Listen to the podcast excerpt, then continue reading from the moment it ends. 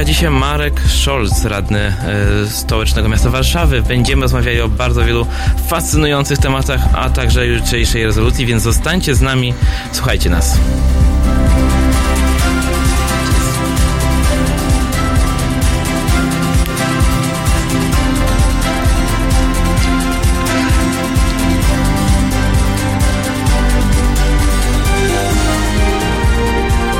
Halo Radio. Witajcie, moim gościem jest Marek Scholz. Cześć, bardzo witajcie. Dobrze e... was, e, być przy was dzisiaj. Widzieć, słyszeć, jesteśmy, mimo że nasze monitory trochę przestały dzisiaj działać, ale jesteśmy z wami zarówno w internecie, jesteśmy na Spotify'u, przypominam, że jesteśmy Radiem Obywatelskim, wspierajcie nas. E, bez was nie będzie nas ani widzieć, widać, ani słychać. Marku, e, jesteś radnym warszawskim, ciebie nie dotyczą te uchwały anty-LGBT, które są... E, ale dotyczą parę milionów mieszkanek i mieszkańców czterech województw, które je uchwaliły i kilkudziesięciu gmin i powiatów, które również postanowiły to zrobić. Dokładnie. I, I jak sobie teraz o tym myślę, co zrobił Adam Bodnar, Rzecznik Praw Obywatelskich, czyli zaskarżył kilka z tych uchwał do sądów administracyjnych. Czy, czy, czy uważasz, że takie działanie było potrzebne? Absolutnie. E, każdy, e, każda decyzja podejmowana przez e, przedstawicieli mieszkanek i mieszkańców, jakim są radni, to jest decyzja organu kolegialnego. Każda taka decyzja musi być zgodna z prawem. Nawet jeśli nie jest rozpisana w formie paragrafów, nawet jeśli nie wygląda jak jakiś, wiecie, taki nudny akt prawny, który czasem widzimy, to wszystko podlega kontroli. E, jeśli gmina, powiat, województwo deklaruje głosami swoich radnych, że chce dyskryminować i chce wykluczyć jakąś grupę ludzi, to to jest absolutnie niezgodne e, z polską konstytucją, z prawem europejskim, z podpisanymi przez Polskę umowami międzynarodowymi, dlatego mogę tylko podziękować rzecznikowi Bodnarowi, że zdecydował się na ten krok, bo naprawdę jest to zaskarżać. Natomiast no, no, wójt gminy nie byle stwierdzi, że to wcale nie uderza w ludzi, zresztą wszyscy inni, e, mniej lub bardziej powiązani z PiSem, członkowie członkowie partii twierdzą, że to nie ma w, w żadnym stopniu dyskryminować kogokolwiek, a jedynie jest y, jakimś wyrazem protestu przeciwko tak zwanej ideologii LGBT. No więc od początku widzimy o co tutaj chodzi, tak? Powtórzmy to jeszcze raz głośno i wyraźnie. Nie ma czegoś takiego jak ideologia LGBT. To jest jakiś dziwny, intelektualny konstrukt, którego prawica używa, żeby rzeczywiście mieć taki wybieg, że, że nie mówią o ludziach, nie mówią o konkretnych osobach z krwi i kości, tylko mówią o jakiejś, jakiejś E, jakimś zbiorze światopoglądów używanego, używanym do interpretacji rzeczywistości, bo jakoś tak chyba idzie encyklopedyczna definicja ideologii. Natomiast nie można, jak zawsze mówimy jako ideologii, to mówimy też o ludziach. No wyobraźmy sobie, że na przykład w Warszawie, co byłoby absolutnie niedopuszczalne, przyjęlibyśmy deklarację sprzeciwiającą się ideologii katolickiej. Mhm. No błagam, czy kto, ktoś w ogóle uwierzyłby, że za przeproszeniem, że mówimy o ideologii katolickiej, a nie mówimy o katolikach, to byłby radykalny przykład dyskryminacji ze względu na wyznawaną religię i byłbym pierwszym, który by w ogóle protestował, gdyby coś takiego zostało przez kogokolwiek postawione na Radzie Warszawy, ale to pokazuje tylko tyle, że nie mówimy o żadnych ideologiach, mówimy o osobach LGBT, gejach, lesbijkach, osobach transseksualnych. Te wszystkie uchwały, te wszystkie stanowiska, czy jak te Rady Gmin postanowiły tego nie nazwać, są wymierzone prosto w nich. W setki tysięcy, jeśli nie miliony mieszkanek i mieszkańców, którzy też są członkami tej wspólnoty samorządowej, płacą tam normalnie podatki, mają prawo do życia w bezpieczeństwie e, i to prawo jest im odbierane właśnie takimi stanowiskami. Jak sobie pomyślę o tych wszystkich e, uchwałach e, w tej czy w innej formie, bo tam są jeszcze te samorządowa karta rodzin, jest ta, pod taką formą jeszcze występują. Tak, tak, jest tego kilka, niektóre samorządy się wykazały mniejszą, inne większą inwencją, jedne po prostu robiły taki, wiecie, copy-paste tego, Ale no właśnie, niemniej copy-paste, który się odbył w, w kilkudziesięciu miastach, miejscach, powiatach, gminach, e, to, to, to dla mnie jest jakimś rodzajem olbrzymiego lobbingu, który za tym stoi. Znaczy ja sądzę, że to bardziej taka cyniczna chęć rozegrania tematu, tak? To znaczy e, wpisuje się to w tę strategię e, komunikacyjnego rozgrywania praw osób LGBT, którą przyjął rząd Prawa i Sprawiedliwości, czyli straszenie ludzi gejami, lesbijkami, ubieranie nas w szaty niemalże pedofilów, tak, bo takie porównania padały wielokrotnie, um, przedstawiania nas jako zagrożenia. To jest znany mechanizm, że tak powiem, kształtowania postaw politycznych. Ludzie, którzy um, czegoś nie znają, którzy czegoś nie rozumieją, to się tego boją. Łatwo wywołać w nich strach. E, co zresztą całkiem dobrze w przypadku osób LGBT, LGBT pokazują badania. Z badań wynika, że wystarczy znać jednego geja albo jedną lesbijkę, jedną osobę LGBT, by poziom akceptacji i zrozumienia dla, dla naszych równościowych postulatów wzrósł o w jakimś diametralnym zakresie. Niestety, bardzo, bardzo wiele Polek i bardzo wielu Polaków dalej nie zna żadnego geja, dalej nie zna żadnego lesbi- żadnej lesbijki i można ich łatwo straszyć. I cyniczni politycy, którzy nie boją się szafować e, zdrowiem, życiem, bezpieczeństwem obywateli i obywatelek, składają takie deklaracje i nawet nie silą się, że tak powiem, żeby wyprodukować coś nowego, tylko kopiują to, co ich koledzy, tylko po to, żeby cynicznie zdobywać głosy, żeby ubrać się w szaty rzekomych obrońców rodziny. No, to jest postawa moralnie i etycznie naganna, a jeszcze dodatkowo ci ludzie przy okazji radykalnie w sposób rażący łamią prawo. No nie, nie, nie mam po prostu wystarczających słów krytyki, żeby opisać, jak, jak, szkodliwy, jak szkodliwe zjawisko tutaj, tutaj omawiamy. No a czym się rzeczywiście może objawiać taka dyskryminacja po, po wdrożeniu tego rodzaju u, uchwał czy, czy rezolucji w, lo, w lokalnej społeczności? Tak, słuchajcie, zacznijmy od tego, że w ogóle sam fakt, że takie propozycje deklaracji czy stanowisk się pojawiają i że um, sam fakt, że w ogóle organ stanowiący gminy powiatu województwa może przyjąć e, e, piętnującą jakąś grupę mieszkanek i mieszkańców e, deklarację ze względu na ich przyrodzoną cechę jest sam w sobie oburzający. Nawet jeśli nie idą za tym żadne konkretne działania, to absolutnie nie możemy akceptować tak piętnującego, wykluczającego języka. Niestety tak się składa, że w przypadku tych wszystkich stanowisk one mają, wydaje mi się, bardzo konkretne konsekwencje. Wyobraźmy sobie, że jesteśmy gejem, lesbijką, osobą transseksualną pracującą dla samorządu, a samorząd jest wielkim pracodawcą. To są tysiące, dziesiątki są nawet tysięcy pracowniczków i pracowniczek. Jak ci ludzie mają się czuć komfortowo w pracy i mówić otwarcie o swojej orientacji seksualnej, jeśli ich pracodawca mówi, że najlepiej to, żeby zniknęli, żeby w ogóle siedzieli cicho i może wtedy łaskawie pozwoli się użyć. Jak mamy chronić dzieciaki w szkołach, jeśli szkoły, które przypominam są pod nadzorem samorządu i są organizowane przez samorząd, słyszą, że e, działania antydyskryminacyjne, działania równościowe, działania antyprzemocowe, to tak naprawdę, e, tutaj zacytuję jedno z tych stanowisk e, jednej gmin bodajże z województwa e, mazowieckiego, promocja homoseksualizmu, tak, tam się pojawiały takie sformułowania. Jak mamy mieć pewność, że samorząd będzie nam dawał prawo do realizowania e, naszego konstytucyjnego prawa wolności zgromadzeń e, i pozwoli nam na przykład zorganizować demonstrację prorównościową, Marsz Równości, no sam najlepiej wiesz, mhm. jak, jak, jakie skandaliczne sytuacje mają miejsce często w związku z Marszami Równości, jeśli ten samorząd chwilę wcześniej, często z inspiracji wójta, burmistrza, prezydenta, deklaruje się jako wolny od LGBT. I tak można dalej i dalej. Odsyłam wszystkich zainteresowanych bardziej szczegółowymi, technicznymi detalami do, do stanowiska Rzecznika Praw Obywatelskich, bądź do stanowiska e, Polskiego Towarzystwa Prawa Antydyskryminacyjnego, które e, miałem przyjemność współtworzyć z prawnikami i prawniczkami tej organizacji.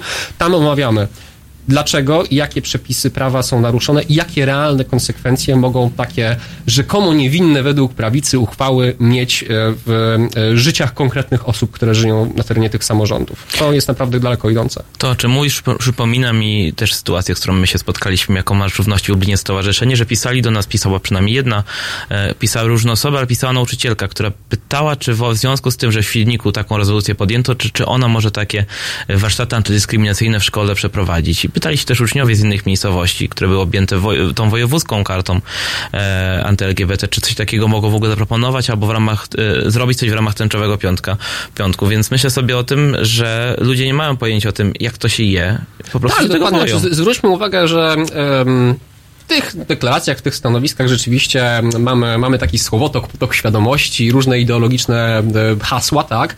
E, to, że nie ma tam niekiedy jakichś konkretnych zakazów, to, że, to, że e, możemy dyskutować, na ile to jest akt władczy, nie zmienia faktu, że takie stanowisko ludzi rządzących daną gminą, powiatem, województwem bez wątpienia ma tak zwany efekt mrożący. Efekt mrożący to znaczy, mając świadomość klimatu politycznego wokół konkretnych działań, ludzie, którzy mogą, a którzy często nawet powinni podejmować e, na przykład działania antydyskryminacyjne, na przykład działania ochronne, na przykład działania mające na celu sprawić, by, by jakość życia i bezpieczeństwo osób LGBT się poprawiało, nie zrobią tego. Będą się bali utraty pracy, będą się bali ostracyzmu w swojej lokalnej społeczności.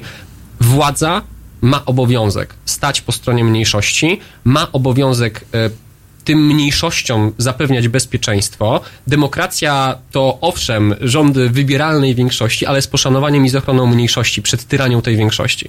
I w tym momencie wyjmujemy z systemu demokratycznego bardzo ważny bezpiecznik, bo mniejszość zamiast być chroniona przez władzę jest przez nią piętnowana, naznaczana i dostaje jasny sygnał, że najlepiej, żeby jej nie było. To jest absolutnie niedopuszczalne. Do rozmowy za chwilę wrócimy, a teraz The Beloved Sweet Harmony.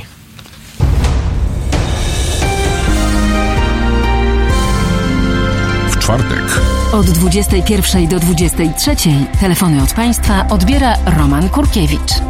Rozmowa, dialog, zrozumienie i żadnej agresji. 21-23. Zapraszamy. www.halo.radio. Słuchaj na żywo, a potem z podcastów.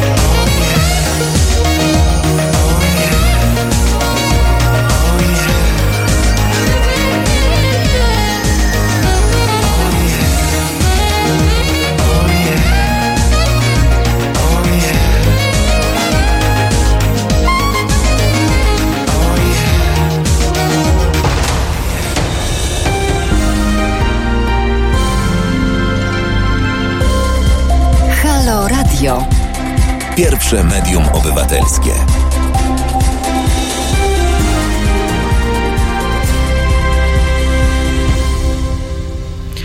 Witajcie po przerwie. No właśnie, mamy te strefy, chyba możemy o tym mówić jako strefy wolne od LGBT, już Tak, bez tego nazywajmy to po dodatku imieniu, ideologia. dokładnie. Tak to zostało często określone, więc ja się zgadzam z, z tą terminologią. I y, jutro Parlament Europejski podejmuje właśnie w sprawie tych y, stref y, rezolucję, o ile zostanie przegłosowana. Jak myślisz, czy taka rezolucja w sprawie tych stref jest potrzebna w, w Polsce, na świecie w tym momencie? Wiesz co, ja przede wszystkim podkreślę, że jestem strasznie zadowolony, że parlament się tym zajął, bo e, my często o tym zapominamy, ale będąc obywatelami i obywatelkami Polski, jesteśmy również obywatelami i obywatelkami Unii Europejskiej. Mamy europejskie obywatelstwo, jest taka instytucja. I fakt, że Parlament Europejski zabrał się za temat, sprawia, e, czy, czy oznacza, że on poważnie traktuje swoją funkcję, bo parlament reprezentuje mieszkańców i mieszkanki Europy e, i jeśli grupa mieszkanek i mieszkańców Europy jest jawnie piętnowana i są podejmowane próby ich dyskryminowania sprzecznie z prawem europejskim, to Parlament Europejski spełnia swoją rolę i swój obowiązek interweniując w tej sprawie. E, Czy powstrzyma to powstawanie, czy podejmowanie kolejnych uchwał anty-LGBT przez e, samorządy? To jest dobre pytanie, ale cieszę się, że ta refleksja dotarła aż do Europy, bo to pokazuje, że, że Unia dba po prostu o swoich obywateli. Warto przypomnieć słuchaczom i słuchaczkom, że y, ta rezolucja to będzie y, taki szereg wskazówek, które są kierowane w stosunku do Polski, do tego, żeby przestała dyskryminować mniejszości LGBT, y, a także wprost będzie oni o tym, żeby nie dyskryminować takimi strefami wolnymi od tak zwanej ideologii LGBT. Dodajmy, że jest tam też apel do Komisji Europejskiej, by Komisja Europejska przyjrzała się sposobowi, w jaki były wydawane przez te konkretne samorządy środki europejskie, w szczególności na przykład w obszarze edukacji czy w obszarze projektów społecznych, czy te środki nie zostały wydane z naruszeniem prawa europejskiego, bo prawo europejskie zabrania dyskryminacji z jakiejkolwiek przyczyny. Więc e, jeśli te samorządy uzyskały pieniądze na różnego rodzaju projekty czy inicjatywy, a następnie okaże się, że posłużyły to do, do na przykład tworzenia różnych dyskryminujących materiałów, czy, czy, czy te projekty w związku z obowiązującymi uchwałami anty-LGBT wykluczyły jakąś grupę osób z uczestnictwa w tych, w tych inicjatywach, to tutaj mamy dobre pytanie, na, na, czy, czy przypadkiem samorządy mogą nie stracić e, uzyskanych środków. Jest to odległa perspektywa, natomiast e, pamiętajmy, że również względem, pod względem finansowym mamy tutaj narzędzia do wykorzystania. No teraz się kończą te strategie e, lokalnych województw na dofinansowań regionalnych z Komitetu Regionów i sobie myślę o tym na przykład jak lubelskie, które właściwie po pierwszym Marszu Równości nie podjęło żadnych działań, żeby coś zrobić z problemem, jaki się ujawnił na pierwszym marszu. Ci ludzie, którzy zostali kamieniami w nas, kiedy szliśmy. E, pomimo tych wszystkich apelów, że coś się stało, że w Lublinie coś nie wyszło i że trzeba coś zmienić, 是 ta linia kontynuowana była i na drugim Marszu Równości, to samo się Niestety, wydarzyło. niestety, to prawda. I, i, I też jak przeglądałem, no bo to jest jednak wspólne dla wszystkich województw, ten, ta strategia zawiera w sobie również działania antydyskryminacyjne. Y, Czy, czy myślisz, że coś się zmieni w momencie, kiedy ta rezolucja dojdzie do, do uchwalenia? Tutaj dużo zależy od woli Komisji Europejskiej, czy Komisja Europejska jako ciało wykonawcze w Unii Europejskiej postanowi podjąć kroki, by zbadać, jak były wydawane środki, by e, wzmocnić te standardy antydyskryminacyjne, ale wydaje mi się, że ta agresywna, e, zajadła homofobia, którą przejawia polska prawica, jest czymś kompletnie niezrozumiałym na Zachodzie. E, Przecież nawet gdy myślimy o radykalnych, populistycznych e, partiach w Wielkiej Brytanii, w Holandii, w wielu państwach, tam, e, tam po prostu nie ma miejsca na takie postawy. I mówimy o europejskiej skrajnej prawicy i ludziach, którzy na przykład dążą do rozmontowania Unii Europejskiej. Więc Prawo i Sprawiedliwość, jego politycy, czy na poziomie europejskim, czy to na poziomie kraju, czy na poziomie lokalnym, partnerów do dyskusji, czy homofobia jest uzasadniona, czy nie, w Europie nie znajdą. No już Więc- przygotowują z pewnością na jutro przemówienia, gdzie będą tłumaczyć się, że ideologia LGBT to, to, to jest bardzo duże zagrożenie i my przed, przed nią Polskę bronimy. Tylko, że w Europarlamencie naprawdę nie ma osób, które kupiłyby bajeczkę o ideologii LGBT. Jestem ciekaw, jak Uważam, tłumacz że to przetłumaczy. To, tak, też mnie to fascynuje, natomiast e, uważam, że możemy być pewni, że dla 95% europosłów będzie to bełkot e, e, i oni doskonale będą rozumieli intencję, która z tym stała. Intencję, którą było wykorzystanie praw e, em, osób LGBT cynicznej kampanii wyborczej i nabijaniu sobie głosów. Nabijaniu sobie głosów kosztem bezpieczeństwa, komfortu życia i, i dobrostanu naprawdę setek tysięcy ludzi, którzy obecnie żyją w Polsce w samorządach, które przyjęły tego typu dokumenty. Jestem trochę pesym- pesymistą w tym zakresie, bo jak sobie myślę o, ilościach nie zrealizowanych wyroków w Strasburgu, których Polska nie zrealizowała tam dziewię- 90 Tak, kilku z tego wspomniałem, bodajże. wyrok Alicji 1000 słynny, związany prawda, z prawem do aborcji również nie został w żaden sposób. Więc sobie myślę o tym, że no powstanie Niestety. rezolucja w symboliczny sposób napiętnuje gdzieś rząd polski, realizuje, albo samorządowców nawet, e, realizują tego typu działania e, i, i każdy normalny kraj by się wstydził tego typu działań, ale tutaj No, bo to, to jest wstyd. Znaczy dyskryminowanie własnych obywateli i obywatelek to jest wstyd i mówmy o tym otwarcie. I Natomiast- piszą i robią tą, tą rezolucję, tworzą szwedzkie posłanki w dużej mierze. Malin Bjork, jeśli dobrze pamiętam, jest jedną z, autor, z autorek, głównych autorek tego typu, tego, te, tej rezolucji. Muszą zwracać nam uwagę na błędy, które my sami pope- popełniamy w, w naszym kraju. Tak jak wspomniałem wcześniej, Europarlament czuje odpowiedzialność za wszystkich europejskich i wszystkich Europejczyków. I to, że taka sprawa jest omawiana przez Europarlament, to wstyd dla nas, ale nie wstyd, że ta sprawa było, wypłynęła na tym forum, tylko wstyd, że takie sytuacje mają miejsce. I gdyby w jakimkolwiek innym europejskim kraju, a pamiętajmy, że Europarlament porusza bardzo wiele kwestii prawnoczłowieczych. Kiedy w Grecji trwał kryzys uchodźczy, kwestia tego, jak Grecy przestrzegają praw osób przybywających do Europy, albo jak Włosi przestrzegają praw imigrantów, e, e, na przykład na wyspie Lampedusa, to również były sprawy omawiane na forum Parlamentu Europejskiego. E, w takich okolicznościach widzę tutaj raczej równe traktowanie. Sytuacje, w której jakieś państwo nie postępuje zgodnie ze standardami, które uznajemy za przyjęte, humanitarne, słuszne, to jest moment, kiedy należy o tym porozmawiać i jeśli jest taka prawna możliwość, poprosić Komisję Europejską, czy zawnioskować do Komisji Europejskiej, wykonawczego organu z realnymi, twardymi kompetencjami, o interwencję. Dlatego e, ja naprawdę mogę się czuć po prostu wdzięczny europosłom, że stają w obronie e, mniejszości w Polsce, o której doskonale wiemy, że jest regularnie atakowana, e, rozpowszechnione są na jej temat kłamstwa i no, mówię, mówię to z perspektywy geja żyjącego w dużym mieście, tak, który w teorii ma lepszą sytuację, który najwyżej to, co dostaje, też jako powiedzmy, nie wiem, polityk, tak, ale jako polityk mówiący otwarcie o swojej homoseksualności, to hejt w internecie. Ale w tych okolicznościach nie wolno zapominać, że mamy przecież tysiące ludzi żyjących w mniejszych miastach, tak, tysiące e, ludzi, którzy, którzy dalej muszą się w roku 2019 ukrywać, bo może ich spotkać przemoc bądź dyskryminacja ze względu na ich orientację seksualną. Jeśli chcemy budować spójne, otwarte, e, inkluzywne społeczeństwo, w którym każdy i każda czuje się dobrze, musimy to po prostu zmienić. A zamiast robić kroki do przodu, robimy wielkie susy wstecz, właśnie ze względu na takie podejście polityków prawicy. I przyjąć na przykład kartę LGBT. Oczywiście samorządy powinny realizować działania antydyskryminacyjne. Pod tym kątem e, cieszę się na przykład i z deklaracji warszawskiej, którą pomagałem tworzyć, i z na Jak się przykład modelu realizacja? Z tego jestem już odrobinę mniej zadowolony, bo nie ukrywam, tempo realizacji zobowiązań nie jest takie, jak ja sobie wyobrażałem i na pewno będę o tym rozmawiał jeszcze w przyszłym roku, bo za chwilę będziemy obchodzili rocznicę podpisania deklaracji.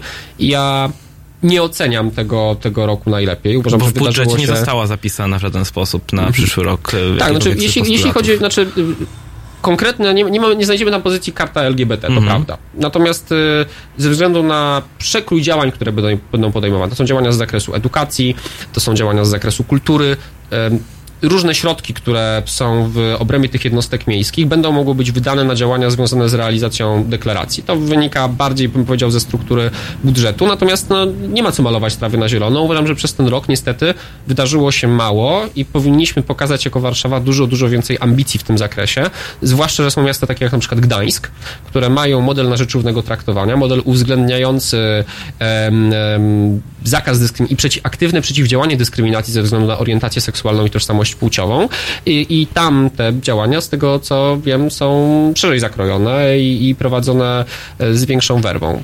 Czyli możliwe, że do wyborów prezydenckich zobaczymy jakieś działania w związku z tą kartą. No, będę na to bardzo naciskał, bo czuję się odpowiedzialny za tą kartę jako, jako, jako radny, jako jedyny wyautowany gej w Radzie Warszawy i nie jest mi dobrze z faktem, że, że jej realizacja nie idzie w takim tempie, w jakim powinna, zwłaszcza, że moja opinia w tym zakresie jest jasna. Na temat deklaracji zostały rozpuszczone wierutne i bardzo szkodliwe kłamstwa. I jedynym sposobem, żeby te kłamstwa, żeby ten balon kłamstw przebić, to jest po prostu realizacja jej postanowień. Dopiero kiedy em, pokażemy praktycznie w Warszawie, że edukacja seksualna to jest bronienie dzieci przed molestowaniem, to jest e, mówienie o emocjach i uczuciach, to jest ochrona przed em, chorobami przenoszonymi drogą płciową, a nie masturbacja czterolatków, dopiero wtedy pokażemy, że ta, ta, że ta edukacja seksualna może i powinna być w każdej szkole w Polsce. Dopiero kiedy em, powołamy do życia ponownie hostel interwencyjny dla osób LGBT dotkniętych przemocą, pokażemy, że to nie jest tak, jak przedstawiała to prawica, pięciogwiazdkowy y, rezerwat dla specjalny po prostu dla, dla gejów i lesbijek, żeby, nie wiem, komfortowo sobie żyli, tak? Dopóki kiedy, czy do, dopiero wtedy, kiedy w warszawskich szkołach, każdej warszawskiej, warszawskiej szkole zostanie wyznaczony latarnik, zaufany nauczyciel, do którego uczeń LGBT, osob, uczeń, który, który chce porozmawiać o swojej orientacji seksualnej, o swojej tożsamości płciowej, o potencjalnej dyskryminacji, która go dotyka, mógłby pójść do takiej osoby i porozmawiać z nią w zaufaniu, dopiero wtedy pokażemy, że to jest rozwiązanie antyprzemocowe i chroniące wrażliwą młodzież, a nie, e, jak to prawica opisywała, e, montowanie agentów politycznej poprawności, tak, e, i siewców ideologii. Dopiero kiedy deklaracja zostanie zrealizowana w całości, pokażemy, że cała ta dyskusja to było jedno wielkie kłamstwo i no cóż, wtedy staniemy w prawdzie i się okaże, że takie działania podejmujemy być, powinny być po prostu podejmowane wszędzie. To tylko czekać, aż to zostanie, aż te postulaty będą realizowane. Teraz dżem wokół sami lunatycy.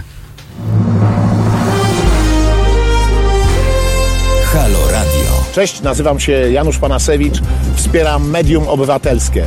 Fundacja Obywatelska zbiera kasę po prostu na to medium. Chcemy być wolni od polityki, od y, słupków oglądalności, od cenzury, od walki o y, jakieś tam polityczne wybory przed każdymi wyborami, obiecanki, cacanki, te wszystkie rzeczy, które nas po prostu złoszczą. Rozmawiajmy o nas, o naszych sprawach, o ważnych sprawach. Ja co miesiąc wspieram to i będę wspierał finansowo media, które są niezależne. I Kuba Wątły, który to gwarantuje, obserwuję go od lat, jest oczywiście bardzo bezpośredni. Czasami doprowadza ludzi do szału, jest bezkompromisowy, ale jest on sam w sobie jedyny, niepowtarzalny i po prostu ja mu ufam i zachęcam was do tego. Wspierajcie Medium Obywatelskie. Jestem z wami. www.halo.radio ukośnik SOS.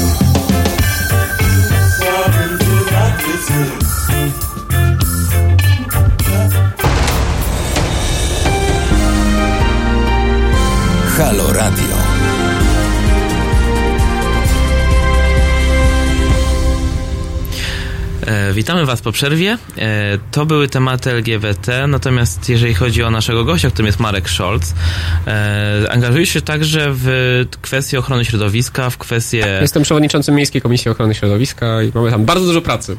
Dokładnie. I, i jeszcze zanim może do samego środowiska, ale taki taki najnowszy temat to jest Gdańsk i kwestia kontrapasu.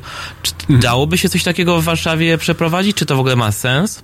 Tak, absolutnie. Znaczy, powiem tak, musimy dokonać transformacji mobilnościowej w naszych miastach. To jest tak, że do takiej Warszawy wjeżdża dziennie prawie 600 tysięcy samochodów. Słuchajcie, gdyby te samochody postawić obok siebie, to one zajęłyby obszar e, równy jednej dzielnicy Warszawy. To jest naprawdę gigantyczna ilość ruchu, gigantyczna ilość e, spalin produkowanych przez te samochody, gigantyczna ilość pyłów, które te samochody wzniecają. No, 60% zanieczyszczeń powstających na terenie Warszawy na terenie miasta stołecznego Warszawy, czyli dwie trzecie smogu, który, który tutaj jest produkowany, to jest właśnie ten intensywny ruch samochodowy. Jak sobie z nim poradzić? Musimy zaoferować szybki, sprawny, punktualny, wygodny transport publiczny. Innej opcji do efektywnego przemieszczenia dużych ilości ludzi z miejsca na miejsce nie ma. Dlatego ja w tym momencie mm, naciskam, że tak powiem, na przyspieszenie procesu powstawania buspasa do Łomianek. Miasto Łomianki bardzo, bardzo pragnie, żeby mieć buspas łączący ich z Warszawą, bo mieszkańcy i mieszkanki Łomianek pracujący w Warszawie regularnie stoją w wielkich korkach. Cieszą mnie takie inicjatywy jak ta, ta, ta strój miasta, o której mówiłeś, bo to również jest coś, co pozwala efektywniej i aktywniej e, zarządzać, zarządzać ruchem, a tutaj nie da się ukryć. Po prostu potrzebujemy ogromnej zmiany podejścia. I samochody z rodzinami na buspasy.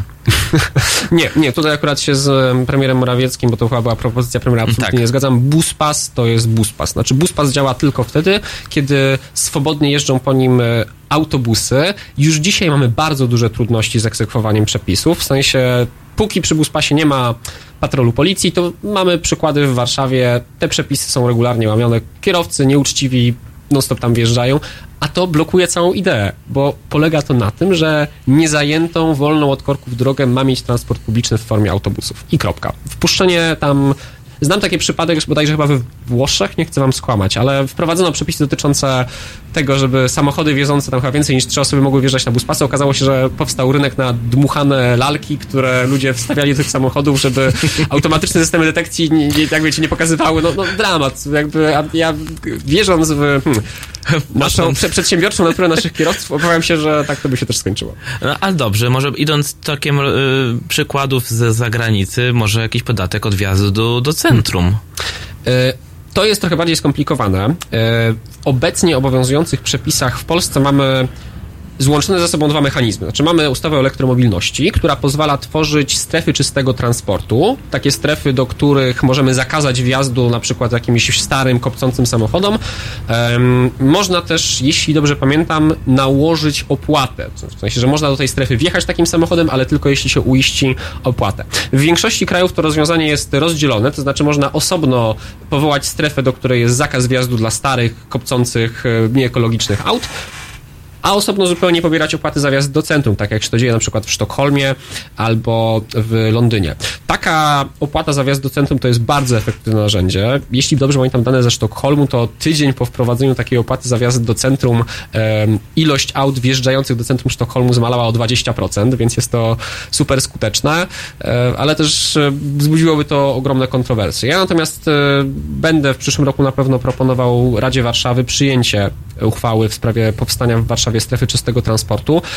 Ta strefa pozwoliłaby ograniczyć e, w pewnym zakresie wjazd do Warszawy e, tych najbardziej zanieczyszczających samochodów i po prostu poprawiłaby zdrowie mieszkanek i mieszkańców, bo z raportów, które otrzymujemy wynika, że to zanieczyszczenie z komunikacji niestety cały czas rośnie. O ile zanieczyszczenie z pieców będzie spadać, bo te piece kopcące i, i nie spełniające norm emisyjnych sukcesywnie wymieniamy, to niestety samochodów jest coraz więcej, coraz bardziej zanieczyszczają, no, a Warszawa ma bardzo konkretne zobowiązania i bardzo konkretne normy do spełnienia w zakresie jakości powietrza. Bez zmian w transporcie po prostu ich nie osiągniemy. Jakie, jakie obszary obejm- obejmowałaby ta strefa? No, to jest pole do badań i pole do dyskusji. E, Z jednej strony bardzo surowa strefa czystego transportu dotyka wiele osób, które chciałyby tam wjechać, no bo kogo w Polsce stać dzisiaj na przykład na czyste auto elek- elektryczne, prawda? Em, To jest poważne pytanie. Jak, jakie typy samochodów powinniśmy wyeliminować z naszych ulic?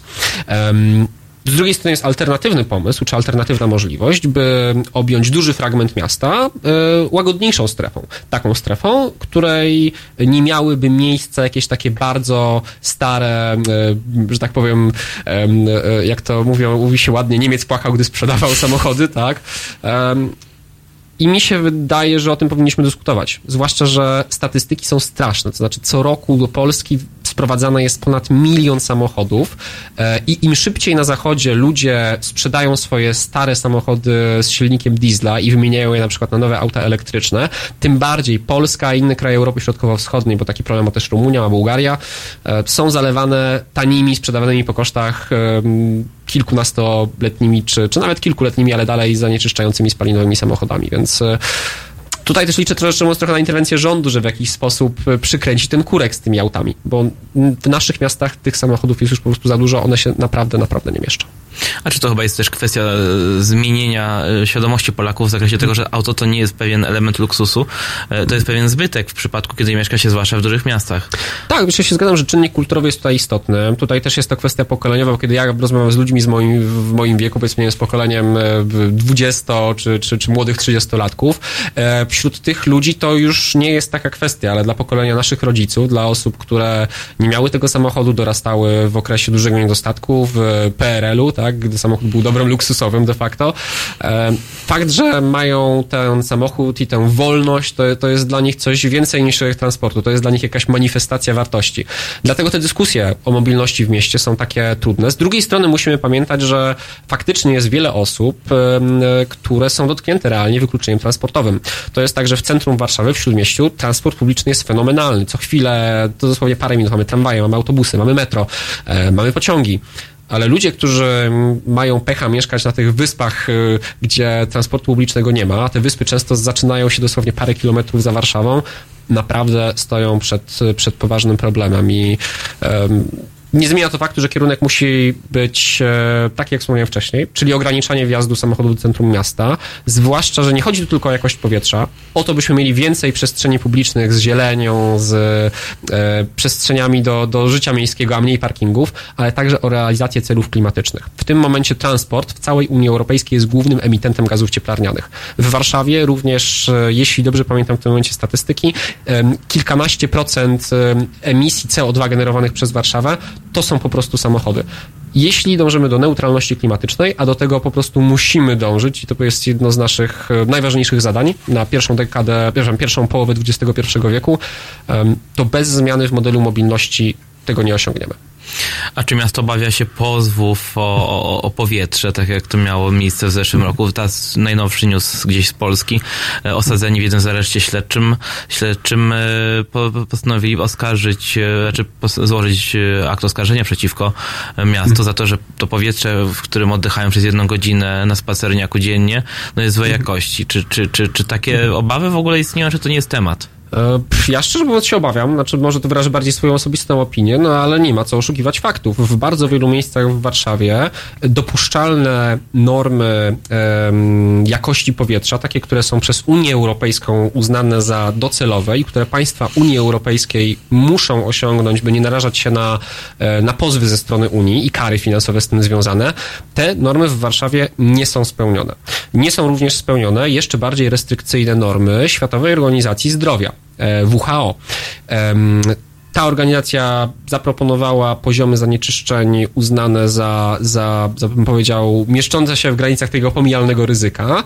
Warszawa zobowiązała się dążyć do zapewnienia tych, tych norm jakości powietrza w związku ze swoim em, uczestnictwem w, w takim międzynarodowym porozumieniu miast działających na rzecz jakości powietrza i klimatu.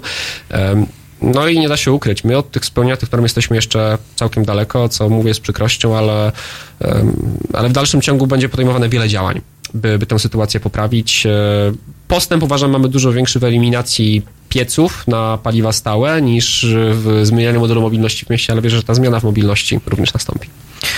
Dokładnie. I za chwilę wracamy e, z kolejnym, dalszym, dalszym ciągiem naszej audycji, a teraz przed nami jest Young Westland.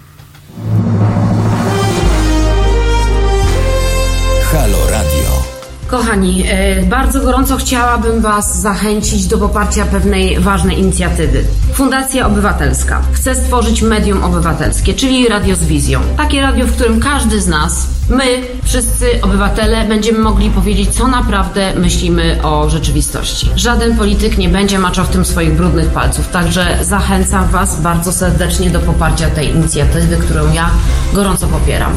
Niech powstanie medium publiczne. Pozdrawiam, Aleksandra Popławska. www.halo.radio ukośnik SOS.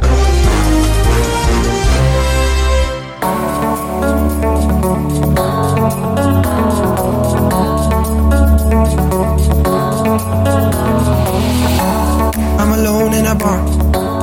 Don't remember the lingo. Am I the only one? At the end of the rainbow, got a really fast car, but with a broken window. Where did we go wrong?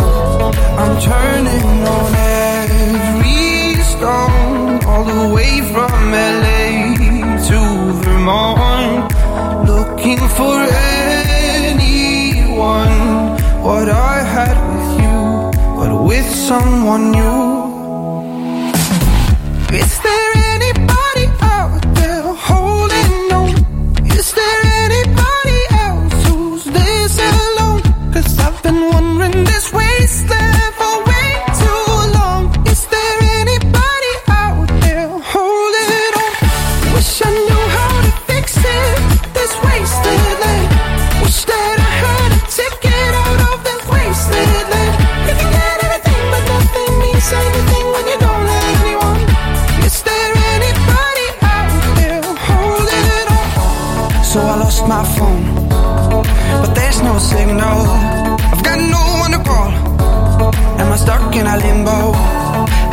Too much?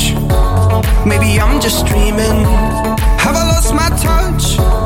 I'm turning on every stone, all the way from Bombay to Stockholm, looking for anyone. What I had with you, but with someone new.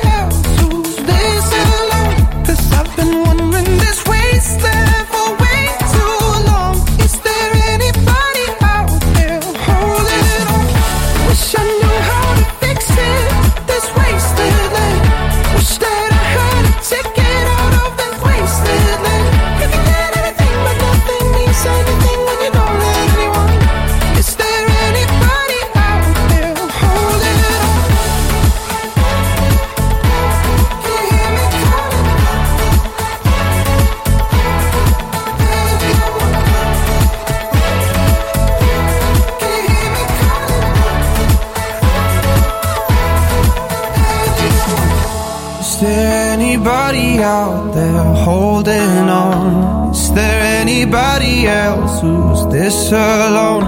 I've been wandering this wasteland for way too long. Is there anybody out there holding on?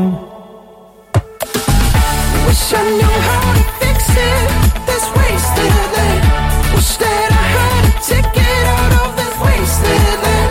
You can get everything, but nothing means anything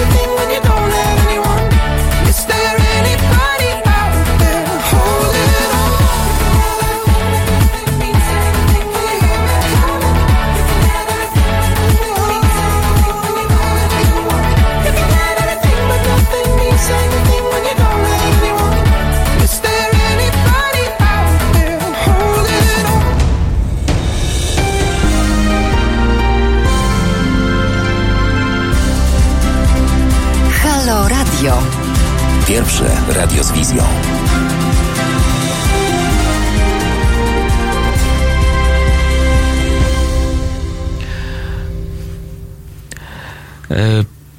E, Parlament Europejski zatwierdził cele klimatyczne, które będą obowiązywały większość krajów Unii Europejskiej. Większość, bo mówię, że Polska jest, jest małym wyjątkiem. O, odwołujesz się do tego rzekomego wielkiego sukcesu premiera Morawieckiego, który pozwolił nam dłużej spalać nasz cenny węgiel, tak? Tak, dokładnie. Ten y, importowany z wielu krajów z zagranicy, też z Zwłaszcza Rosji, z Rosji. tak. e, węgiel. E, Jak to się ma do, do, do, do naszych regionów, do, do Warszawy i jak możemy tutaj coś zmienić? Ja powiem szczerze, jestem głęboko rozczarowany postawą premiera Morawieckiego, bo to jest jakby po pierwsze postawa etycznie naganna, bo e, premier jasno mówi, że Polska nie będzie przyczyniać się do rozwiązania najważniejszego wyzwania XXI wieku, czyli zatrzymania kryzysu klimatycznego. E, Po drugie jest to ekonomiczna głupota, bo Polska pogarsza sobie pozycję negocjacyjną. Mo- moglibyśmy dostać środki, które w zupełności wystarczyłyby na głęboką transformację naszego transportu, energetyki, gospodarki, tak żeby e, była nieemisyjna albo niskoemisyjna, a my je radośnie wyrzucamy do kosza. W imię nie wiem czego, ochrony jakiejś grupy lobbystów chyba. Polskiej E, ideologii. e, polskiego węgla, którego jest coraz mniej, tak? I na koniec dnia niestety e, z tego wielkiego procesu na poziomie Parlamentu Europejskiego sądzę wszystko odbije się właśnie na takich e, miastach jak Warszawa, które bardzo potrzebują pieniędzy na to, by z jednej strony tworzyć miasto, które nie emituje gazów cieplarnianych, tworzyć miasto, e, jak to się mówi, neutralne dla klimatu, a z drugiej strony przystosowywać to miasto do zmian, które są już nieuniknione. Bo czy nam się to podoba, czy nie, e, to myśmy klimat planety niestety już mocno zepsuli. E, I zwróćmy uwagę, że porozumienie paryskie, które reguluje tę międzynarodową politykę ograniczenia emisji, mówi jasno, że naszym celem jest ograniczenie wzrostu średniej temperatury na całej planecie do dwóch stopni Celsjusza w skali globalnej. To, to jest z perspektywy klimatycznej to jest bardzo, bardzo duży wzrost, ale uznawany przez naukowców za bezpieczny. Ale ten wzrost oznacza, że w Warszawie em, ilość dni, gdy będziemy się mierzyć z bezwzględnymi, nieznośnymi upałami, wzrośnie o kilkadziesiąt procent. To oznacza, że będziemy bardziej narażeni na gwałtowne zjawiska pogodowe, takie jak wichury, e, takie jak nagłe, bardzo obfite opady deszczów. Te zjawiska mamy dobrze w Warszawie zbadane dzięki strategii adaptacji do zmian klimatu, która została e, przyjęta przez Radę Warszawy e, w tym roku, e, ale nie da się ukryć, że przystosowanie miasta do tych wyzwań będzie kosztowało pieniądze. I te pieniądze przez krótkowzroczne działania premiera Morawieckiego po prostu możemy stracić. Czyli te samorządy, wszystkie samorządy w Polsce zostaną pozbawione środków do realizacji tych celów, które e, prędzej czy Tak, później nas uważam, że to jest spotkać. realne ryzyko, a biorąc pod uwagę, że z drugiej strony nasze własne dochody wynikające z podatków również są nam podbierane przez rząd, to em, będzie nam trudno realizować działania publiczne również z tego zakresu. A to są działania, które sądzę będą niezbędne. Wyobraźmy sobie sytuację, gdy w Warszawie w perspektywie 20 lat e, przez e, kilkadziesiąt dni pod rząd będziemy mieli temperatury przekraczające 30 stopni, tak? Albo kiedy będziemy mieli jakąś nagłą, trudną do zniesienia falę upałów, gdy temperatura przekroczy 40 stopni. Wszystkie klimatyzatory zostaną E, włączone. O ile będziemy mieli te klimatyzatory. Zwróćmy uwagę, ile osób nie ma klimatyzatora w Warszawie, bo nie ma takiej potrzeby. Gdy w Paryżu em, Klimatyzator bodajże trzy czy prawem cztery- trzy czy- człowieka. trzy czy cztery dokładnie, 3 czy 4 lata temu w Paryżu była taka bardzo, bardzo duża fala upałów i zanotowano wtedy ponad 3000 przedwczesnych zgonów. Ludzie przepraszam za sformułowanie, ale dosłownie gotowali się żywcem w swoich nieklimatyzowanych mieszkaniach. To jest szczególne ryzyko dla osób starszych, seniorów, dla osób chorych, dla, dla, dla rodziców z dziećmi, dla kobiet w ciąży. Mamy mnóstwo grup wrażliwych, które my jako władza publiczna powinniśmy chronić. A wszystko wskazuje na to, że, że rząd w ogóle zachowuje się tak, jakby udawał, że to zagrożenie nie istnieje i że go nie ma i że nie trzeba się nim zajmować teraz. E, Wręcz przeciwnie. To jest ten moment, żeby się przygotować na nieuchronne zmiany. To jest ten moment, gdy trzeba robić te inwestycje. Nie tylko ograniczać emisje, ale również dostosowywać nasze miasto do tego, jak nasz klimat niestety popsuje się w ciągu kolejnych 20-30 lat. Ale mam wrażenie, że, że ludzie są skonstruowani tak, że dopóki czegoś nie dotkną, nie zobaczą, to bardzo często myślą, że ten temat nie istnieje, albo że problem nie istnieje. To jest tak jak z tym mitycznym gejem, o którym mówiliśmy. Tak, tak, niestety. Dokładnie. Dopóki go nie zobaczysz, czy te że- lesbijki, to okazuje się, że jak zobaczysz, to jest normalna No ale ja osoba. jednak jestem zdania, że odpowiedzialne władze publiczne powinny działać niereaktywnie, a z wyprzedzeniem, zwłaszcza jeśli mamy przytłaczającą ilość analiz dokumentów naukowych, które po prostu pokazują, co musimy zrobić. I, i, i jedyne, czego potrzeba, to pieniądze i wola polityczna. E, I, i żałuję, że tego pierwszego będzie, będzie bardzo mało, a to drugie, przynajmniej na poziomie, na poziomie rządowym, jak widzę, nie istnieje. No i Polacy, rodacy muszą sobie kupować filtry powietrza do domu, żeby jakkolwiek tym powietrzem móc Tutaj, oddychać. słuchaj, muszę cię wypunktować. Jakkolwiek wiesz, filtry powietrza są potrzebne ze względu na oczyszczanie powietrza z, z, ze smogu, natomiast y, bardzo y, uważałbym na mieszanie tematu smogu i tematu klimatu. To są dwa trochę osobne zagadnienia. W Polsce one się łączą w pewnym zakresie. To znaczy, przez to, że z powodu zaniedbań wielu poprzednich rządów dalej mamy 5 milionów gospodarstw domowych, które ogrzewają się paląc węglem w piecu, to to są konkretne emisje dwutlenku węgla, które idą do atmosfery. Natomiast e, nasz główny problem z punktu widzenia polityki klimatycznej, czyli nasze wielkie elektrownie węglowe nie produkują dużych ilości zanieczyszczeń. To są pewne zanieczyszczenia, ale powiedzmy z punktu widzenia smogu i jakości powietrza dużo gorsze są te piece oraz samochody. Natomiast nasze elektrownie węglowe wypuszczają kominami w atmosferę i trak- traktując ją po prostu jak darmowy ściek wielkie, wielkie ilości gazów cieplarnianych. To jest e, nieetyczne, to jest e, krótkowzroczne. E, Ten brak transformacji energetycznej do źródeł odnawialnych odbije nam się czkawką. E, Mogę tylko trzymać kciuki, żeby nowe Ministerstwo Klimatu jednak jakoś odwróciło ten, ten trend, chociaż e, Chociaż nie mam wielkich nadziei, no bo e, parę dni po jego powołaniu minister Sasin e, obiecywał na barburce, że węgiel można spalać e, czysto i bezpiecznie, to tylko kwestia technologii. Nie, panie ministrze. Nie ma żadnych technologii, które by sprawiły, że spalanie węgla będzie dobre dla klimatu. Po prostu trzeba przestać to robić. I przestać spalać i węgiel, i ropę, i jeśli się da również gaz. Musimy być neutralni. To co z górnikami? I tutaj wchodzimy na obszar sprawiedliwej transformacji. I tym bardziej jestem w szoku, że premier zachował się w Brukseli tak, jak się zachował, e, bo Unia doskonale wie, przecież Francja, Niemcy, te kraje również miały wielki przemysł ciężki. One prowadziły sprawiedliwą transformację. Dziesiątki tysięcy czy setki tysięcy osób zatrudnionych w tamtejszym górnictwie mogły się przekwalifikować, mogły znaleźć miejsca pracy w nowych branżach regiony, które były skupione na wydobyciu w głównej, w dużej mierze węgla, e, dostały dużą pomoc i dzisiaj tworzą swoją przyszłość w zupełnie inny sposób. U nas rząd ten temat kompletnie ignoruje, e, a to jest poważny problem. Nawet mniej na Śląsku, o którym się tak dużo mówi, ale bardziej na przykład w takich miejscach jak, e, jak na przykład Bełchatów, jak na przykład e, kopalnie węgla brunatnego w Wielkopolsce. Tam mamy do czynienia z całymi dużymi miastami, żyjącymi wyłącznie z elektrowni i z kopalni. Jeśli ta elektrownia i kopalnia zniknie, ci ludzie stracą źródło utrzymania i musimy myśleć o ich przyszłości już teraz. Wiem, że samorząd w Wielkopolsce myśli na ten temat, ale rząd ignoruje go tak, jakby nie było jutra. I to jest coś, co musimy z całą mocą skrytykować. Będziemy musieli już kończyć. Ja cię tylko na końcu zapytam, czy myślisz, że premier Morawiecki obserwuje tweety Grety Thunberg? Nawet jeśli je obserwuję, to sądzę, że nie przyjmuję ich do wiadomości. Ale zachęcam, panie premierze, Greta to jest głos również mojego pokolenia. Proszę się nie bać. Za chwilę będziemy też i o Grecie. Naszym gościem był radny Marek Scholz z Nowoczesnej z Koalicji Obywatelskiej. Bardzo ci dziękuję. Dzięki bardzo, dzięki za ten wieczór. Pozdrawiam wszystkich słuchaczy.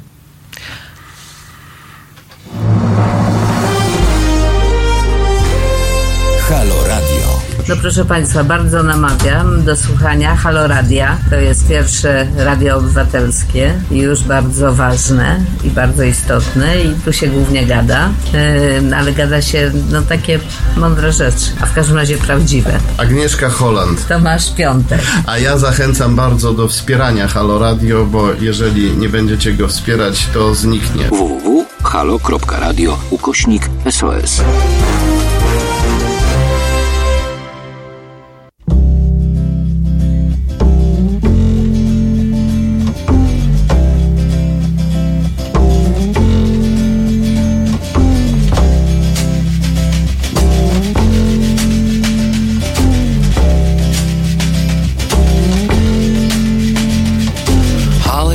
From Miami, FLA.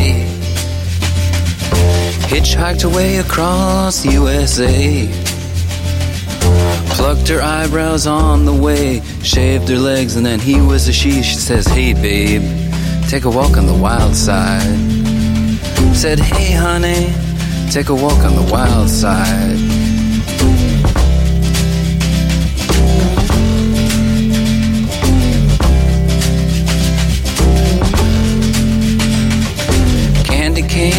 From out on the island. In the back room, she was everybody's darling. But she never lost her head, even when she was given head. She says, Hey, babe, take a walk on the wild side. Said, Hey, babe,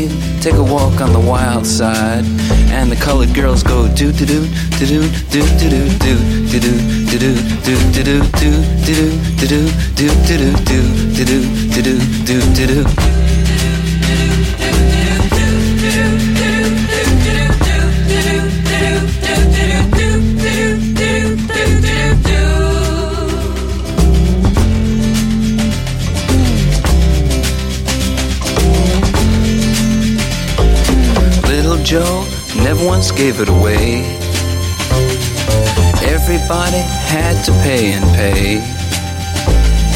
A hustle here and a hustle there. New York City is the place where they said, Hey, babe, take a walk on the wild side. I said, Hey, Joe, take a walk on the wild side.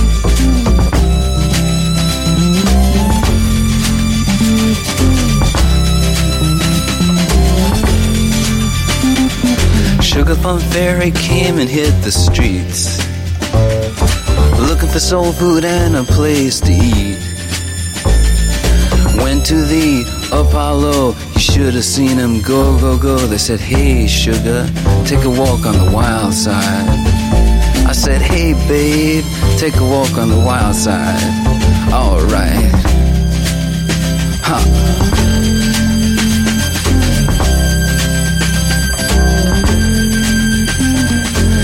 Jackie is just speeding away. Thought she was James Dean for a day. Then I guess she had to crash. Valium would have helped that patch. I said, Hey, babe, take a walk on the wild side. I said, Hey, honey, take a walk on the wild side.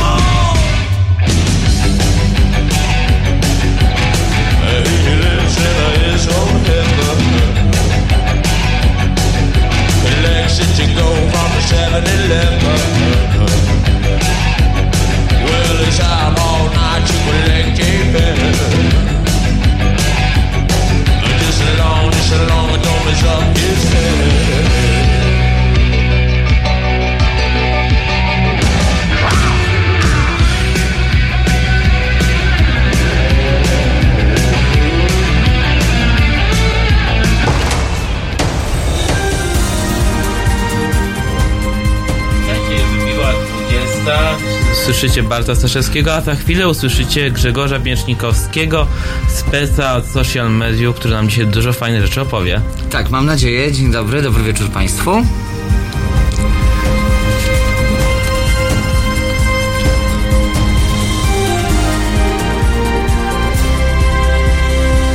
Halo Radio.